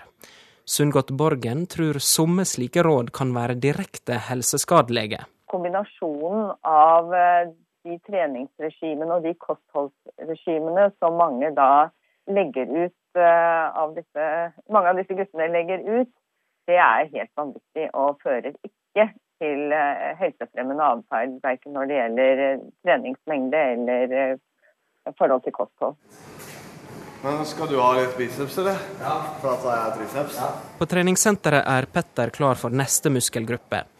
Men selv om han bruker mye tid på trening og kosthold, føler han ikke at det stresser han. Å komme seg på treninga, det er liksom ja, time til to timer om dagen. Det er liksom bare en Det er, det er ikke noe alternativ å gjøre noe annet, på en måte. Det, man gjør det, og så kan man gjøre andre ting etterpå. Til dømes la seg beundre av andre når man går på stranda og man får lange blikk og gode tilbakemeldinger. Det er det som er moro. Er det viktig for deg å være deilig? I den grad andre syns det, så er det hyggelig, det selvfølgelig. Jeg kan ikke komme utenom det. Reporter her, det var Lars Ivar Nordahl. Daglig leder i Hedda Foundation og kjønnsforsker Jørgen Lorentzen. Du har skrevet en kronikk som nå ligger på nrk.no ytring. Eh, om presset mot menn. Har sosiale medier vært med på å gjøre menn til objekter på samme måte som kvinner har vært eh, over tid? Ja, det kan du godt si. Eh, altså Man kan jo kanskje snu på det og si at sosiale medier har demokratisert mulighetene for menn til å bli objekt. Fordi at Det er jo et fenomen vi kjenner tilbake fra kanskje fra 90-tallet spesielt, hvor menns kropper begynte å bli eh, objekt for nytelse. Og, vi, og, vi, på en måte snudde trenden av at det var bare kvinners kropper som var nytelsesobjekter, så ble menn det spesielt. Kjenner vi jo til Beckham ikke sant, fra 90-tallet, som alle beundret, og som viste seg fram gang på gang halvnaken.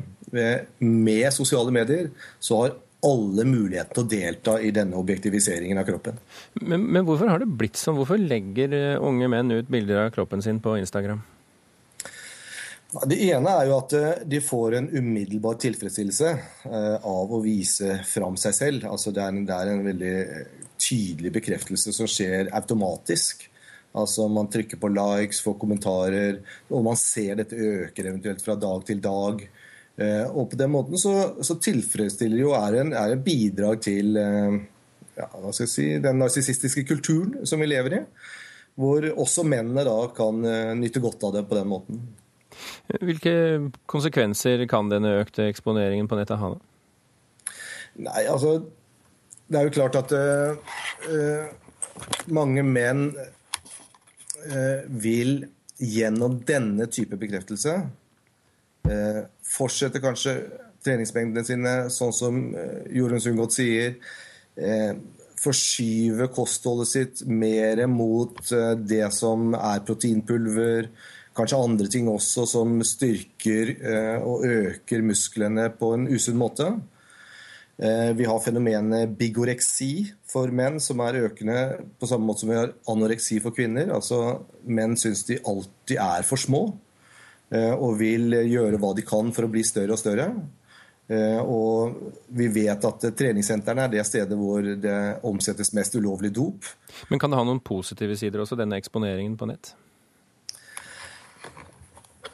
Jeg skal ikke se bort fra det, at det, det kan det. Men umiddelbart så er det klart vi tenker på mulighetene for, eh, for de uheldige konsekvensene. Men det er klart at du får en slags likestilling da, mellom kjønnene når det gjelder kroppene som objekter. Altså mennene blir objekt på samme måte som kvinner.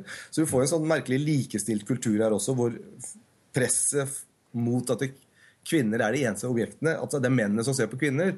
Nå er det også kvinner som ser på menn. Så sånn sett så får du en mer likestilt kultur også i denne på dette området. At, at, alle har det ille er også en trøst? Eh, ja, alle har det ille, men det er klart at det Vi må videre, Jørgen Lorsen. Beklager å avbryte deg der. Eh, de som har lyst til å diskutere dette mer, kan altså gå inn på nrk.no kultur og diskutere Lorentzen sin kronikk der. Tusen hjertelig takk for at du var med oss i dag.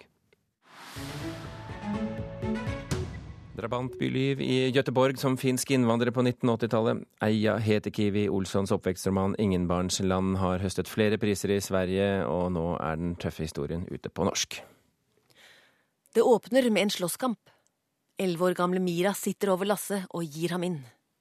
Hun banket møkka ut av ham, satte seg over skrevs over ryggen på ham og skrek 'Satanan sika', jævelens svin. Armene hennes roterte som små propeller og pisket den barberte skallen hans så fettet pølset seg under. Raseriet inni henne kom ut i kaskader, og flettene flakset vilt rundt henne. Adrenalinet pulserte, hele kroppen skalv.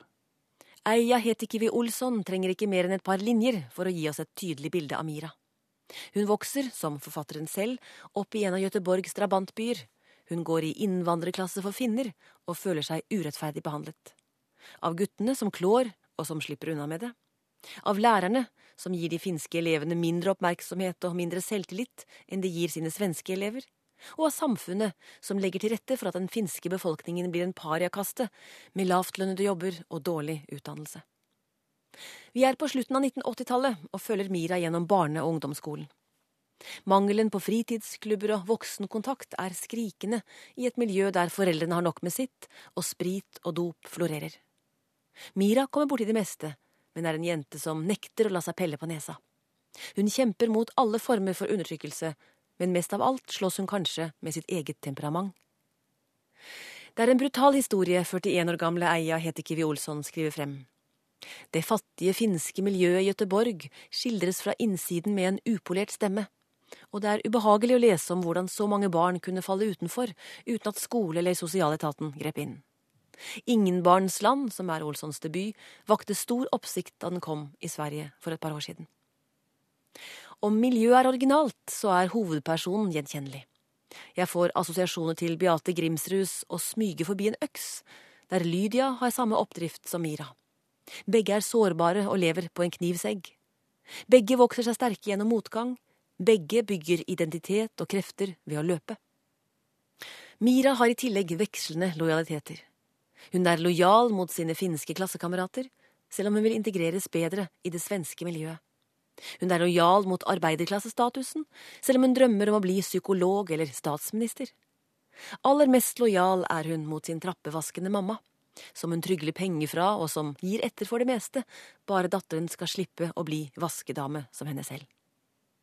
Portrettene av foreldrene, som tør opp og blir levende bare når de er hjemme på ferie i Finland, er nydelig skildret og vitner kanskje om at forfatteren ikke har lagt så rent lite av egen biografi i denne dramatiske oppveksthistorien. Ingen barns land er oversatt fra svensk av Trude Marstein. Vår anmelder her, det var Anne Katrine Straume. Og apropos tekst, teksten til spelet om Heilag Olav blir mer trøndersk enn noen gang når årets spel åpner på Stiklestad neste uke. VG-kommentator og forfatter Yngve Kvistad har brukt vinteren på å gjøre språket mer forståelig, en oppgave som ikke har forløpt helt uten utfordringer. For meg sjøl har det vært eh, å overvinne eh, pieteten i forhold til Olav Gullvåg. for at eh, jeg har egentlig veldig sansen for hans opprinnelige manuskript. Altså, det er skrevet på et ganske arkaisk uh, nynorsk, men det er veldig mye saft i det. og det, uh, litt sånn, jeg skulle si, det, er mye sagasus i det. Men det er klart, det er skrevet i ei tid og med en språknorm og med en idé og et forhold til språket som nok var moden for noe modernisering. Da. Det er 60 år siden spillet ble skrevet av Olav Gullvåg til musikk av Paul Okkenhaug. Kvenner kan ikke kvea om stort eller smått når jenta er fager og ølet godt. Det var på tide med en oppdatering. Spelspråket er opprinnelig nynorsk, og gjennom årenes løp er det blitt en salig blanding med innslag av namdalsk, inntrøndersk og østlandsnynorsk. Men det var ikke noe alternativ å la alt bare gå på trøndersk dialekt. Regissør Marit Moum Aune fortalte NRK allerede i fjor hvilken språklig utfordring hun sto overfor. Vi som er trøndere vi føler ofte at språket vårt blir veldig dumma ut, og at vi liksom er litt enklere i huet fordi at vi snakker trøndersk. Og vi prøver å lage trøndersk-nynorsk scenespråk, og det jobber vi veldig hardt med. Nå er jobben gjort. Yngve Kvistad har gått gjennom hele manuskriptet og språkvasket teksten i trøndersk retning. Men fortsatt er det for så vidt et kunstnerisk scenespråk. For det autentiske ville jo vært norrønt. Så Derfor så har jeg tenkt at uh, når vi først skal lage en ny mal, altså et uh, trønsk, nynorsk scenespråk, så må det også konstrueres. Og det har jeg for så vidt også litt har jeg belegg for hos, uh, hos Ola Gullvåg, for han skriver jo det sjøl i en del av breva til, til, til den første spillprodusenten. I 1954 så, så skriver han at her må lygast, og det har, jo, har jeg gjort litt, da. Med lygast så mener jeg også litt sånn i overført betydning. Da. Det har, det har konkret har gjort, da, det at jeg den, den, ultimate identifikasjonsmarkøren for det trønske, jo, det er jo selvfølgelig personlig pronomen. Så det har gjort at jeg har da latt dem få bruke personlig pronomen, eh, refleksivt, og eh, sånn resiproke pronomen. pronomen. Så, det, så det de sier æ, meg, sæ, deg, eh, hverandre osv. Eh, og så har jeg gjort noen avstemminger da, uh, innafor det, men uh, stort sett med ett enkelt unntak, og det kommer sikkert til å avsløre hva det er, så er det innenfor nynorsknormen. Vargen iler over deld og dikje. Han vil ha meg, men han får meg ikke. Heidi Gjermundsen Broch spilte i fjor rollen som Gudrun, en rolle som i år er overtatt av Charlotte Frogner. Ingen av dem trøndere. Yngve Kvistad fulgte de første prøvene til årets spel, og er imponert over hvordan skuespillerne takler den nye teksten. Og særlig de skuespillerne som ikke har, hatt, uh, som ikke har noe bakgrunn i det trønske fra før. Reporter her, det var eh, Thomas Alvarstein Ove. Kulturnytt er slutt. I dag har vi fortalt at kommunepolitikere i Bodø er redd for at det nye kulturhuset som åpner i november skal gå utover helse- og skolebudsjettet. Hilde Tosterud, Vidar Sem og Birger Kålsrud Aasund takker for følget. Nå følger flere nyheter fra verden rundt med Nyhetsmorgen.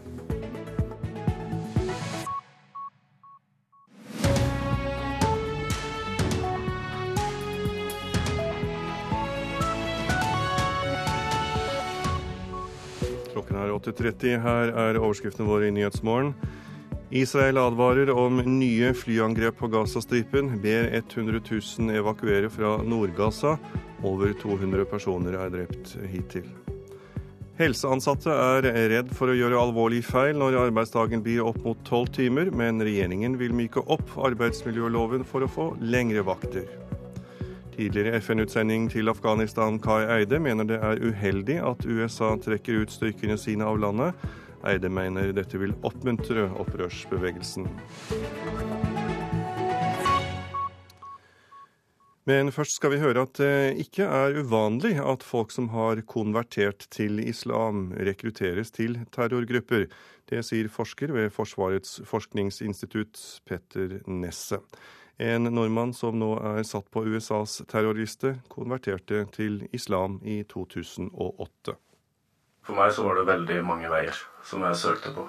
Og til slutt så ble det islam. Det sa mannen som amerikanske myndigheter nå mener er en del av Al Qaida, kort tid etter at han konverterte til islam i 2008. Jeg har aldri vært så sikker på en ting i hele mitt liv. Så det er irreversibelt. Siden den gang skal han ha reist flere ganger til Jemen og fått terroropplæring der. Forsker ved Forsvarets forskningsinstitutt, Petter Nesser, sier det ikke er uvanlig at konvertitter rekrutteres til terrorgrupper. Eh, det er ikke så spesielt hvis du ser på eh, utviklingstrekk over tid. Eh, det er flere konvertitter som har blitt rekruttert inn i Al Qaida-nettverket. Noen av de har fått viktige roller som talspersoner i nettverket, og andre har blitt trent og også brukt eh, i terroraksjoner. Gruppen den norske 35-åringen nå skal være del av, anses som en svært aktiv gruppe innenfor Al Qaida-nettverket. Nylig skjerpet USA og flere europeiske land sikkerheten på flyplassene sine. Det ble trolig gjort i frykt for angrep fra nettopp denne gruppen. Nordmannen ble jo da knytta til eh, gruppa som heter eh, Al Qaida på den arabiske halvøya, eller AKAP, som er den filialen i Al Qaida som er nærmest kjernen i Al Qaida-nettverket. Lederen for gruppa fungerer som en slags eh, nestkommanderende i, i, nettverket. Eh, og det er også den gruppa som har vært hissigst i forhold til å planlegge terroraksjoner eh, mot vestlige og spesielt amerikanske mål. Og de har også hatt et spesielt fokus på å utvikle bomber som rettes inn mot flysektor. Reportere Kaspar Fuglesang og Ellen Borge Christoffersen. Israel har bedt 100 000 palestinere på Gazastripen om å forlate hjemmene sine. Målet er å hindre at sivile blir drept i de israelske angrepene, som til nå har tatt livet av over 200 mennesker. Og det blir nye angrep i dag, det sier reporter Jan Espen Kruse i Israel titusenvis av mennesker har fått beskjed om å forlate eh, hjemmene sine, komme seg eh, lenger vekk fra den nordlige delen av eh, Gaza. Og I løpet av natta så ble altså minst seks mennesker drept i angrep der. Så situasjonen trappes gradvis opp, selv om det ikke har kommet opp på det nivået som det var før denne, dette forslaget om en våpenhvile i går.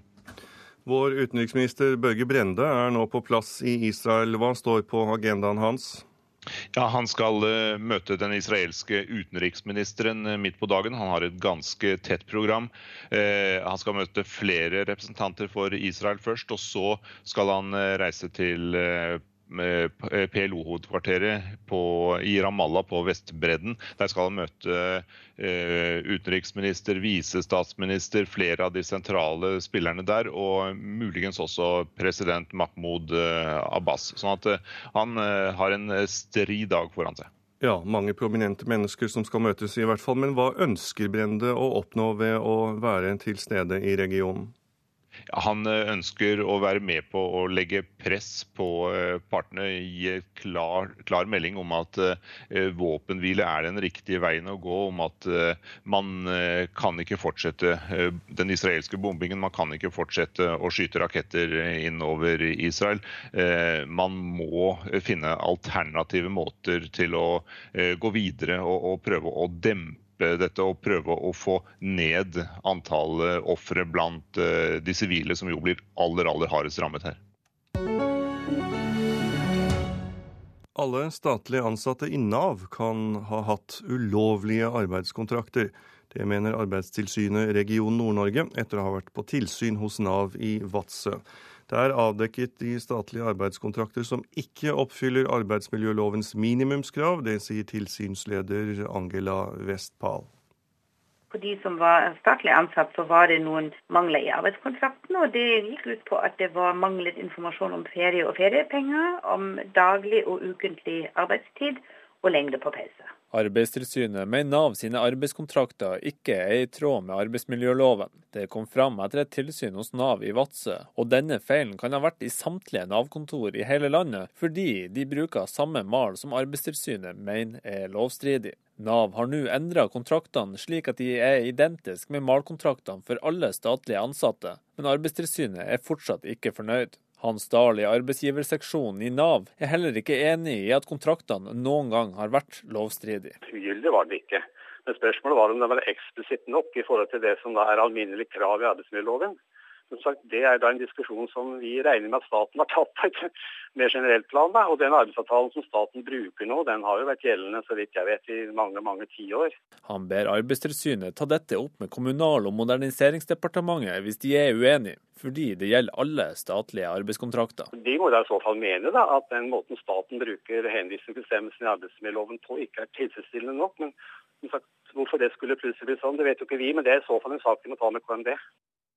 Det er Arbeids- og sosialdepartementet som er ansvarlig for kontraktsmalen i staten, og de ønsker ikke å kommentere saken. Reporter var Tarjei Abelsen. Signalene fra helsevesenet om økt risiko ved lange vakter må tas på alvor av regjeringen. Det mener leder av Fagforbundet Mette Nord. Regjeringen ønsker å myke opp arbeidsmiljøloven, slik at det blir lov med vakter på 13 timer. Men Mette Nord viser til at et flertall av hennes medlemmer mener dette vil øke risikoen for feil.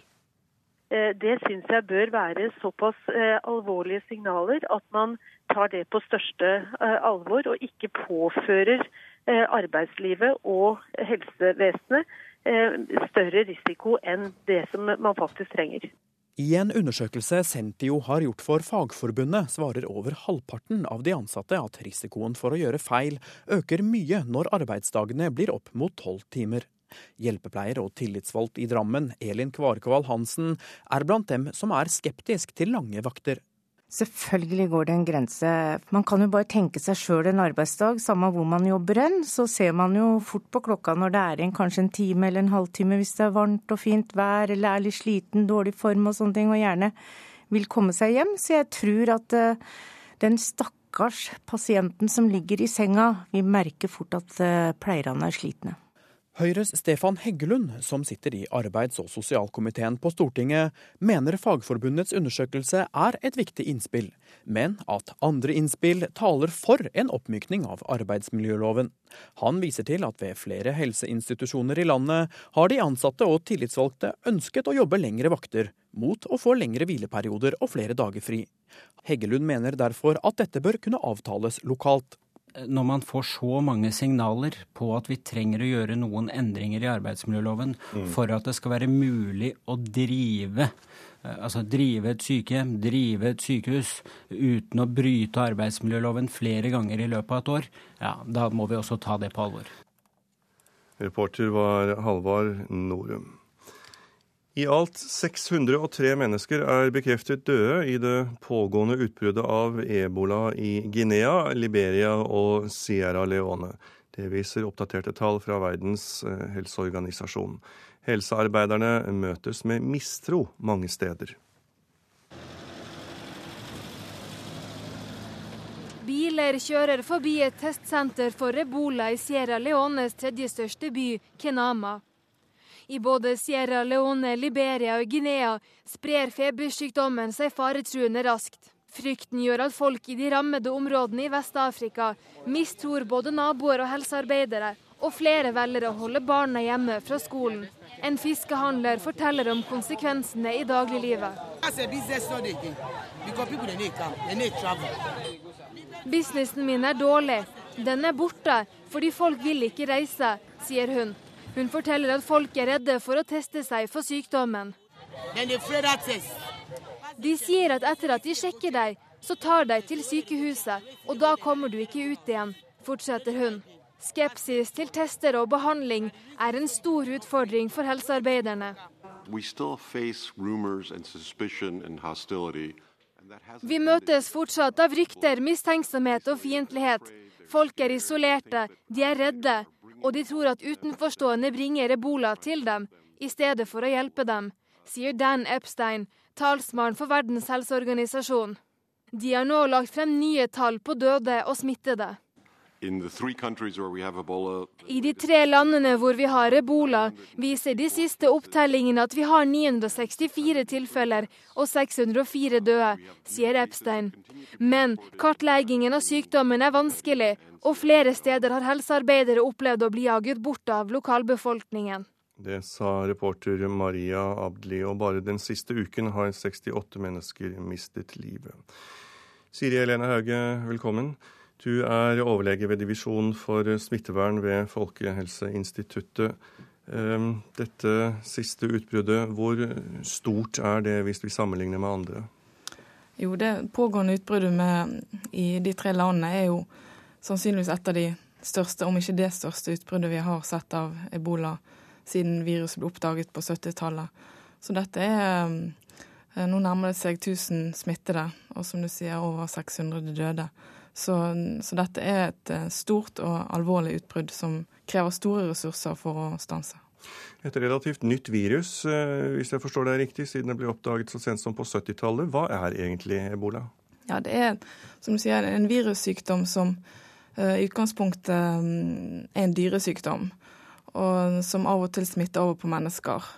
Og man tror at uh, flaggermus sannsynligvis er reservoaret til viruset som da av og til eh, eh, gir sykdom hos mennesker.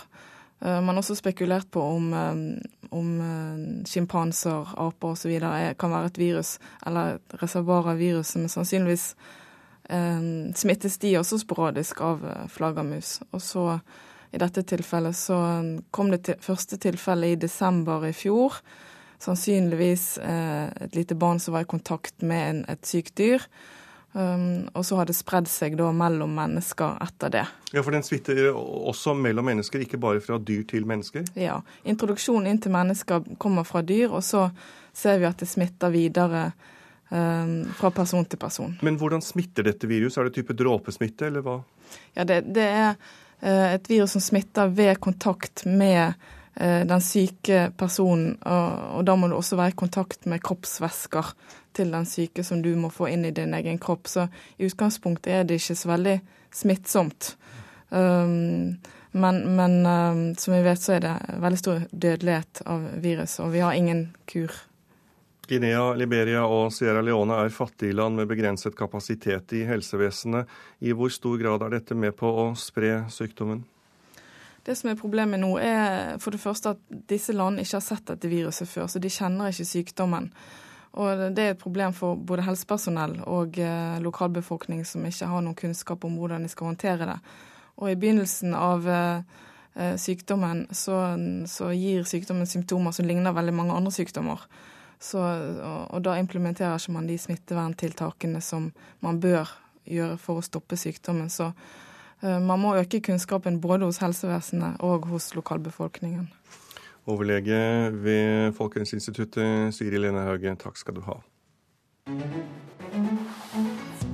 Klokken den har nettopp passert 8.44. Nyhetsmorgen har du på radioen din, og her er hovedsakene. Israel advarer om nye flyangrep mot Gazastripen, ber 100 000 evakuere fra Nord-Gaza. Over 200 personer er hittil drept. Helseansatte er redde for å gjøre alvorlige feil når arbeidsdagen blir opp mot tolv timer, men regjeringen vil myke opp arbeidsmiljøloven. Og det er ikke uvanlig med konvertitter i terrorgrupper. Det mener forsker. Minst 89 mennesker ble i går drept i det dødeligste selvmordsangrepet i Afghanistan på lang tid. Landet har hatt en markant økning i antall sivile tap det siste halvåret. Kai Eide, som tidligere var FNs eh, spesialutsending til Afghanistan, men som nå er ved tenketanken Brookings i Washington DC, han er bekymret over situasjonen. Jeg tror den er forverret. Eh, vi har sett eh, altså 24% økning i sivile tap eh, de første seks månedene i forhold til samme tid i fjor. Det har vært angrep mot tsjekkiske militære, mot mineryddere. Og så dette store angrepet i Paktika som vi så i går. Hva er årsaken til at volden blusser opp igjen? Det er vanskelig å si. Den det største offensiven vi har sett den siste tiden, er vel nede i Helman, hvor det har vært 800-900, kanskje opptil 1000 Taliban-soldater som har drevet et angrep over flere dager for å gjenvinne et distrikt. Det tyder jo på at Taliban ønsker igjen å demonstrere at de har evne til å kjempe videre. Eh, og selvfølgelig også eh, drar nytte av det faktum at amerikanerne stort sett er på vei ut. Ja, for innen 2016 eh, så skal eh, Obama trekke ut alle soldatene. Eh, hvor lurt er det, hvis vi ser situasjonen som ser ut til å blusse nå? Jeg mener jo personlig at det var en uheldig beslutning. At han nærmest her med matematisk presisjon skal redusere fram til null ved utgangen av 2016. Jeg mener at man burde ha sett det hele an, og så besluttet eh, hvor raskt det skal gå, hvor mange soldater man har på ulike tidspunkter, ut fra hva situasjonen er på bakken. Så det er klart at etter min mening så er dette en oppmuntring for, eh, for opprørsbevegelsen. Så var det valg i landet for kort tid siden, og begge presidentkandidatene hevder at de har fått flest stemmer. Eide, til slutt, eh, hvordan går dette nå i Afghanistan? Det kunne ha gått veldig galt, og det er klart eh, faren er ikke over. Men det faktum at utenriksminister Kerry var der nå nylig og har eh, kommet fram til en avtale mellom de to partene, det er meget oppmuntrende og gir håp om at man kan komme ut av en særdeles vanskelig valgprosess eh, på, en skikkelig måte. Men enkelt blir det ikke, og det kommer til å ta tid. Men den jobben Kerry gjorde, tror jeg brakte hele prosessen over på et nytt og bedre spor. I Sogn og Fjordane leter politiet etter en savnet kvinne i 80-årene. Hun har vært savnet siden i går formiddag, og letingen etter kvinnen har pågått i hele natt. Politiet har også etterlyst føreren av en sølvgrå bil som skal ha blitt observert i nærheten av kvinnen før hun forsvant. Barn under 16 år som har vært utsatt for seksuelle overgrep, må vente i over to måneder før de får forklare seg i dommeravhør. Fristen i dag er to uker. Dommeravhør er, tidlige dommeravhør er viktig, det sier mangeårig bistandsadvokat Kjersti Jæger. Hukommelsen eh, den lekner dag for dag, og jo tidligere en kan få avgitt forklaring, jo, jo bedre vil en huske ting. Og jo sikrere kan være på at de opplysningene som kommer frem, er de. Jeger sier det ofte er en belastning for den fornærmede å måtte vente lenge med å komme i avhør, fordi avhørene hjelper til med å starte bearbeidingen etter et overgrep. Det er nemlig sånn at uh, før uh, politiet har uh, foretatt dommeravhør, så vil som regel de som er nær den fornærmede, få beskjed om at de ikke skal samtale med den fornærmede.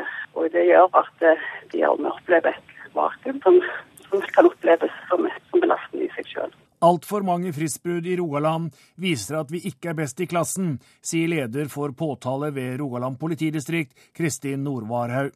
Nå skal det iverksettes konkrete tiltak, sier hun.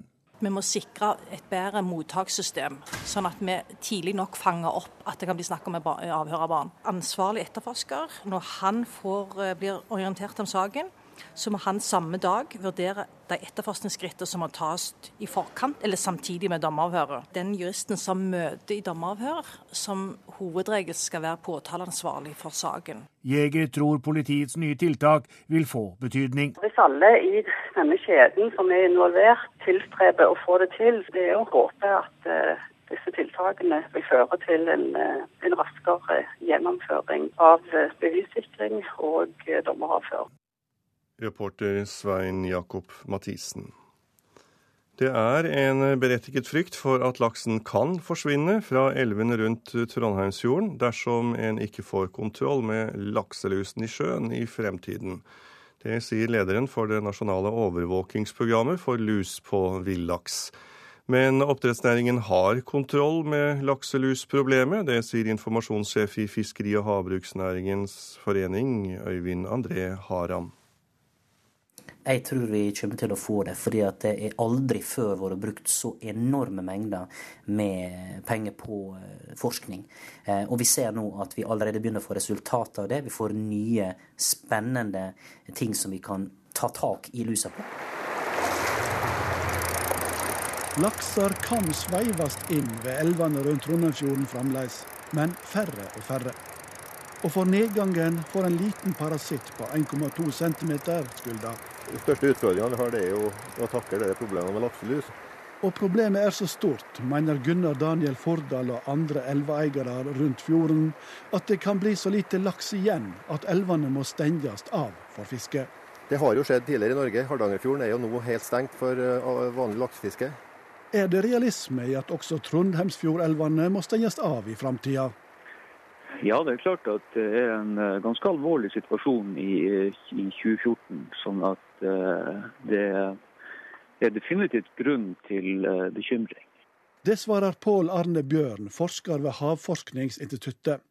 Han leder det nasjonale overvåkingsprogrammet for lakselus. Lusa som alltid har vært i saltvann og angrepet laksefisk, men som det er blitt mer av i områder med mye oppdrettslaks i sjøen. Dette er området som den vesle laksen, smolten fra elvene, må svømme forbi, på vei ut til havs på beitevandring. Spørsmålet er hvor mye laks som blir angrepet av lus her og dauer, og såleis aldri kommer tilbake til elva der den var født.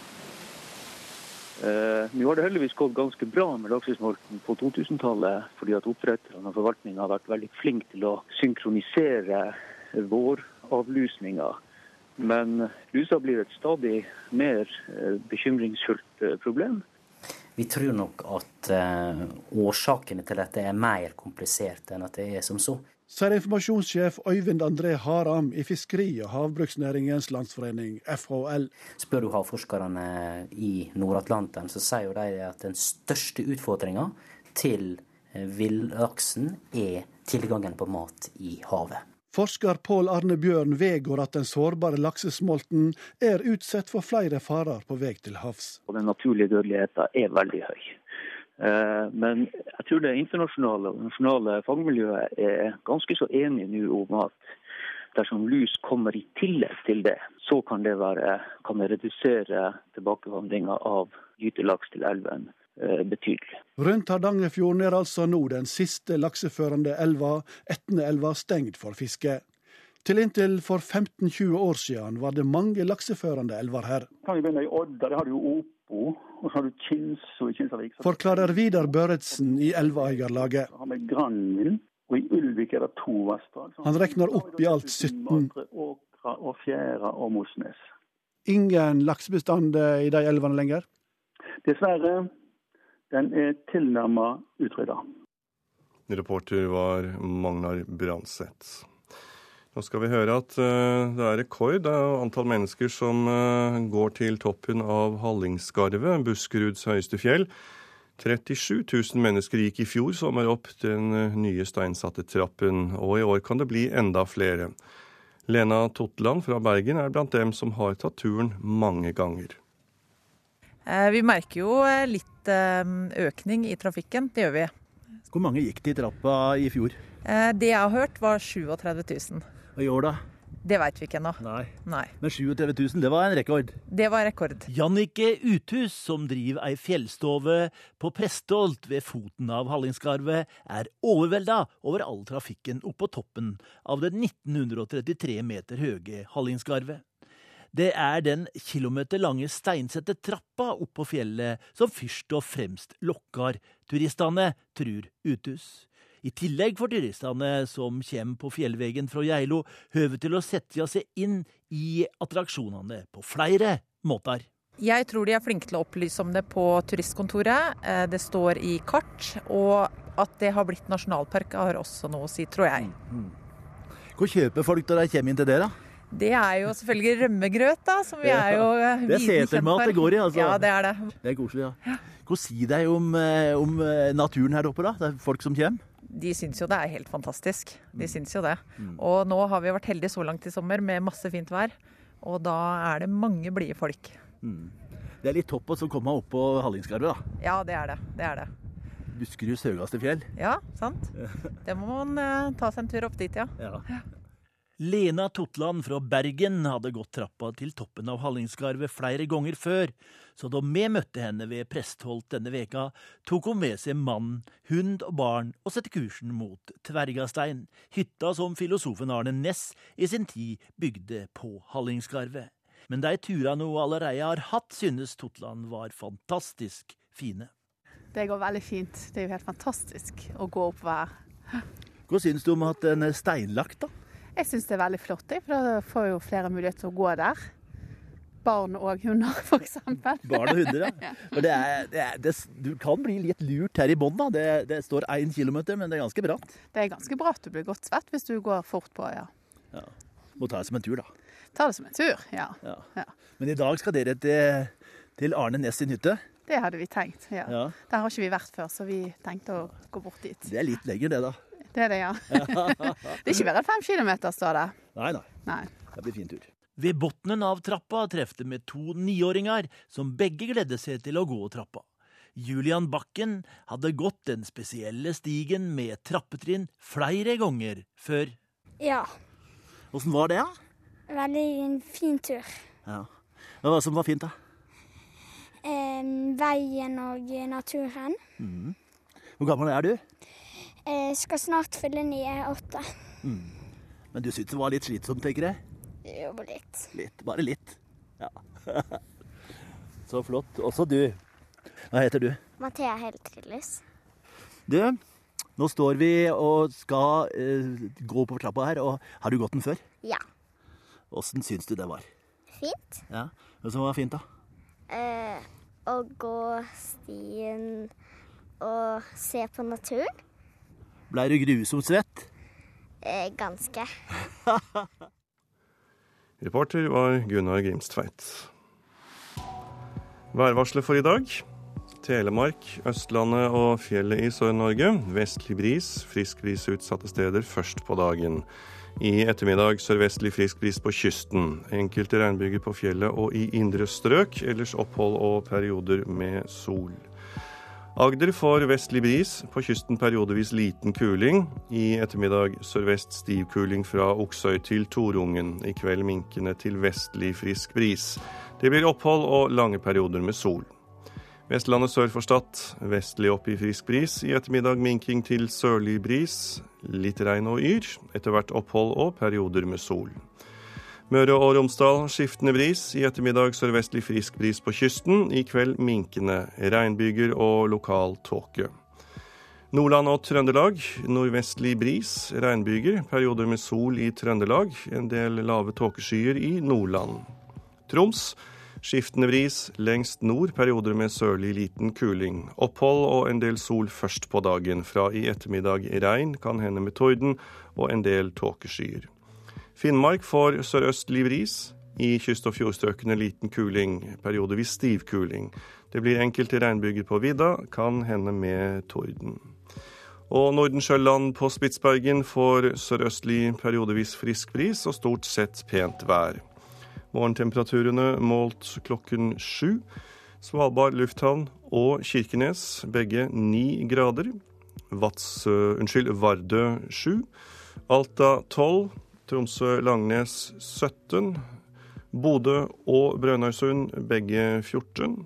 Trondheim-Værnes og Molde begge 15. Så hadde Bergen-Flesland, Stavanger og Kristiansand-Kjevik alle 14 grader. Gardermoen 15. Lillehammer 14, Røros 12 og Blindern i Oslo 16 grader. Ansvarlig for nyhetssendingen i dag, Bjørn Christian Jacobsen. Produsent Vidar Eidhammer. Teknisk ansvarlig Hilde Tosterud. Og programleder Tor Albert Frøsland sier en riktig god dag.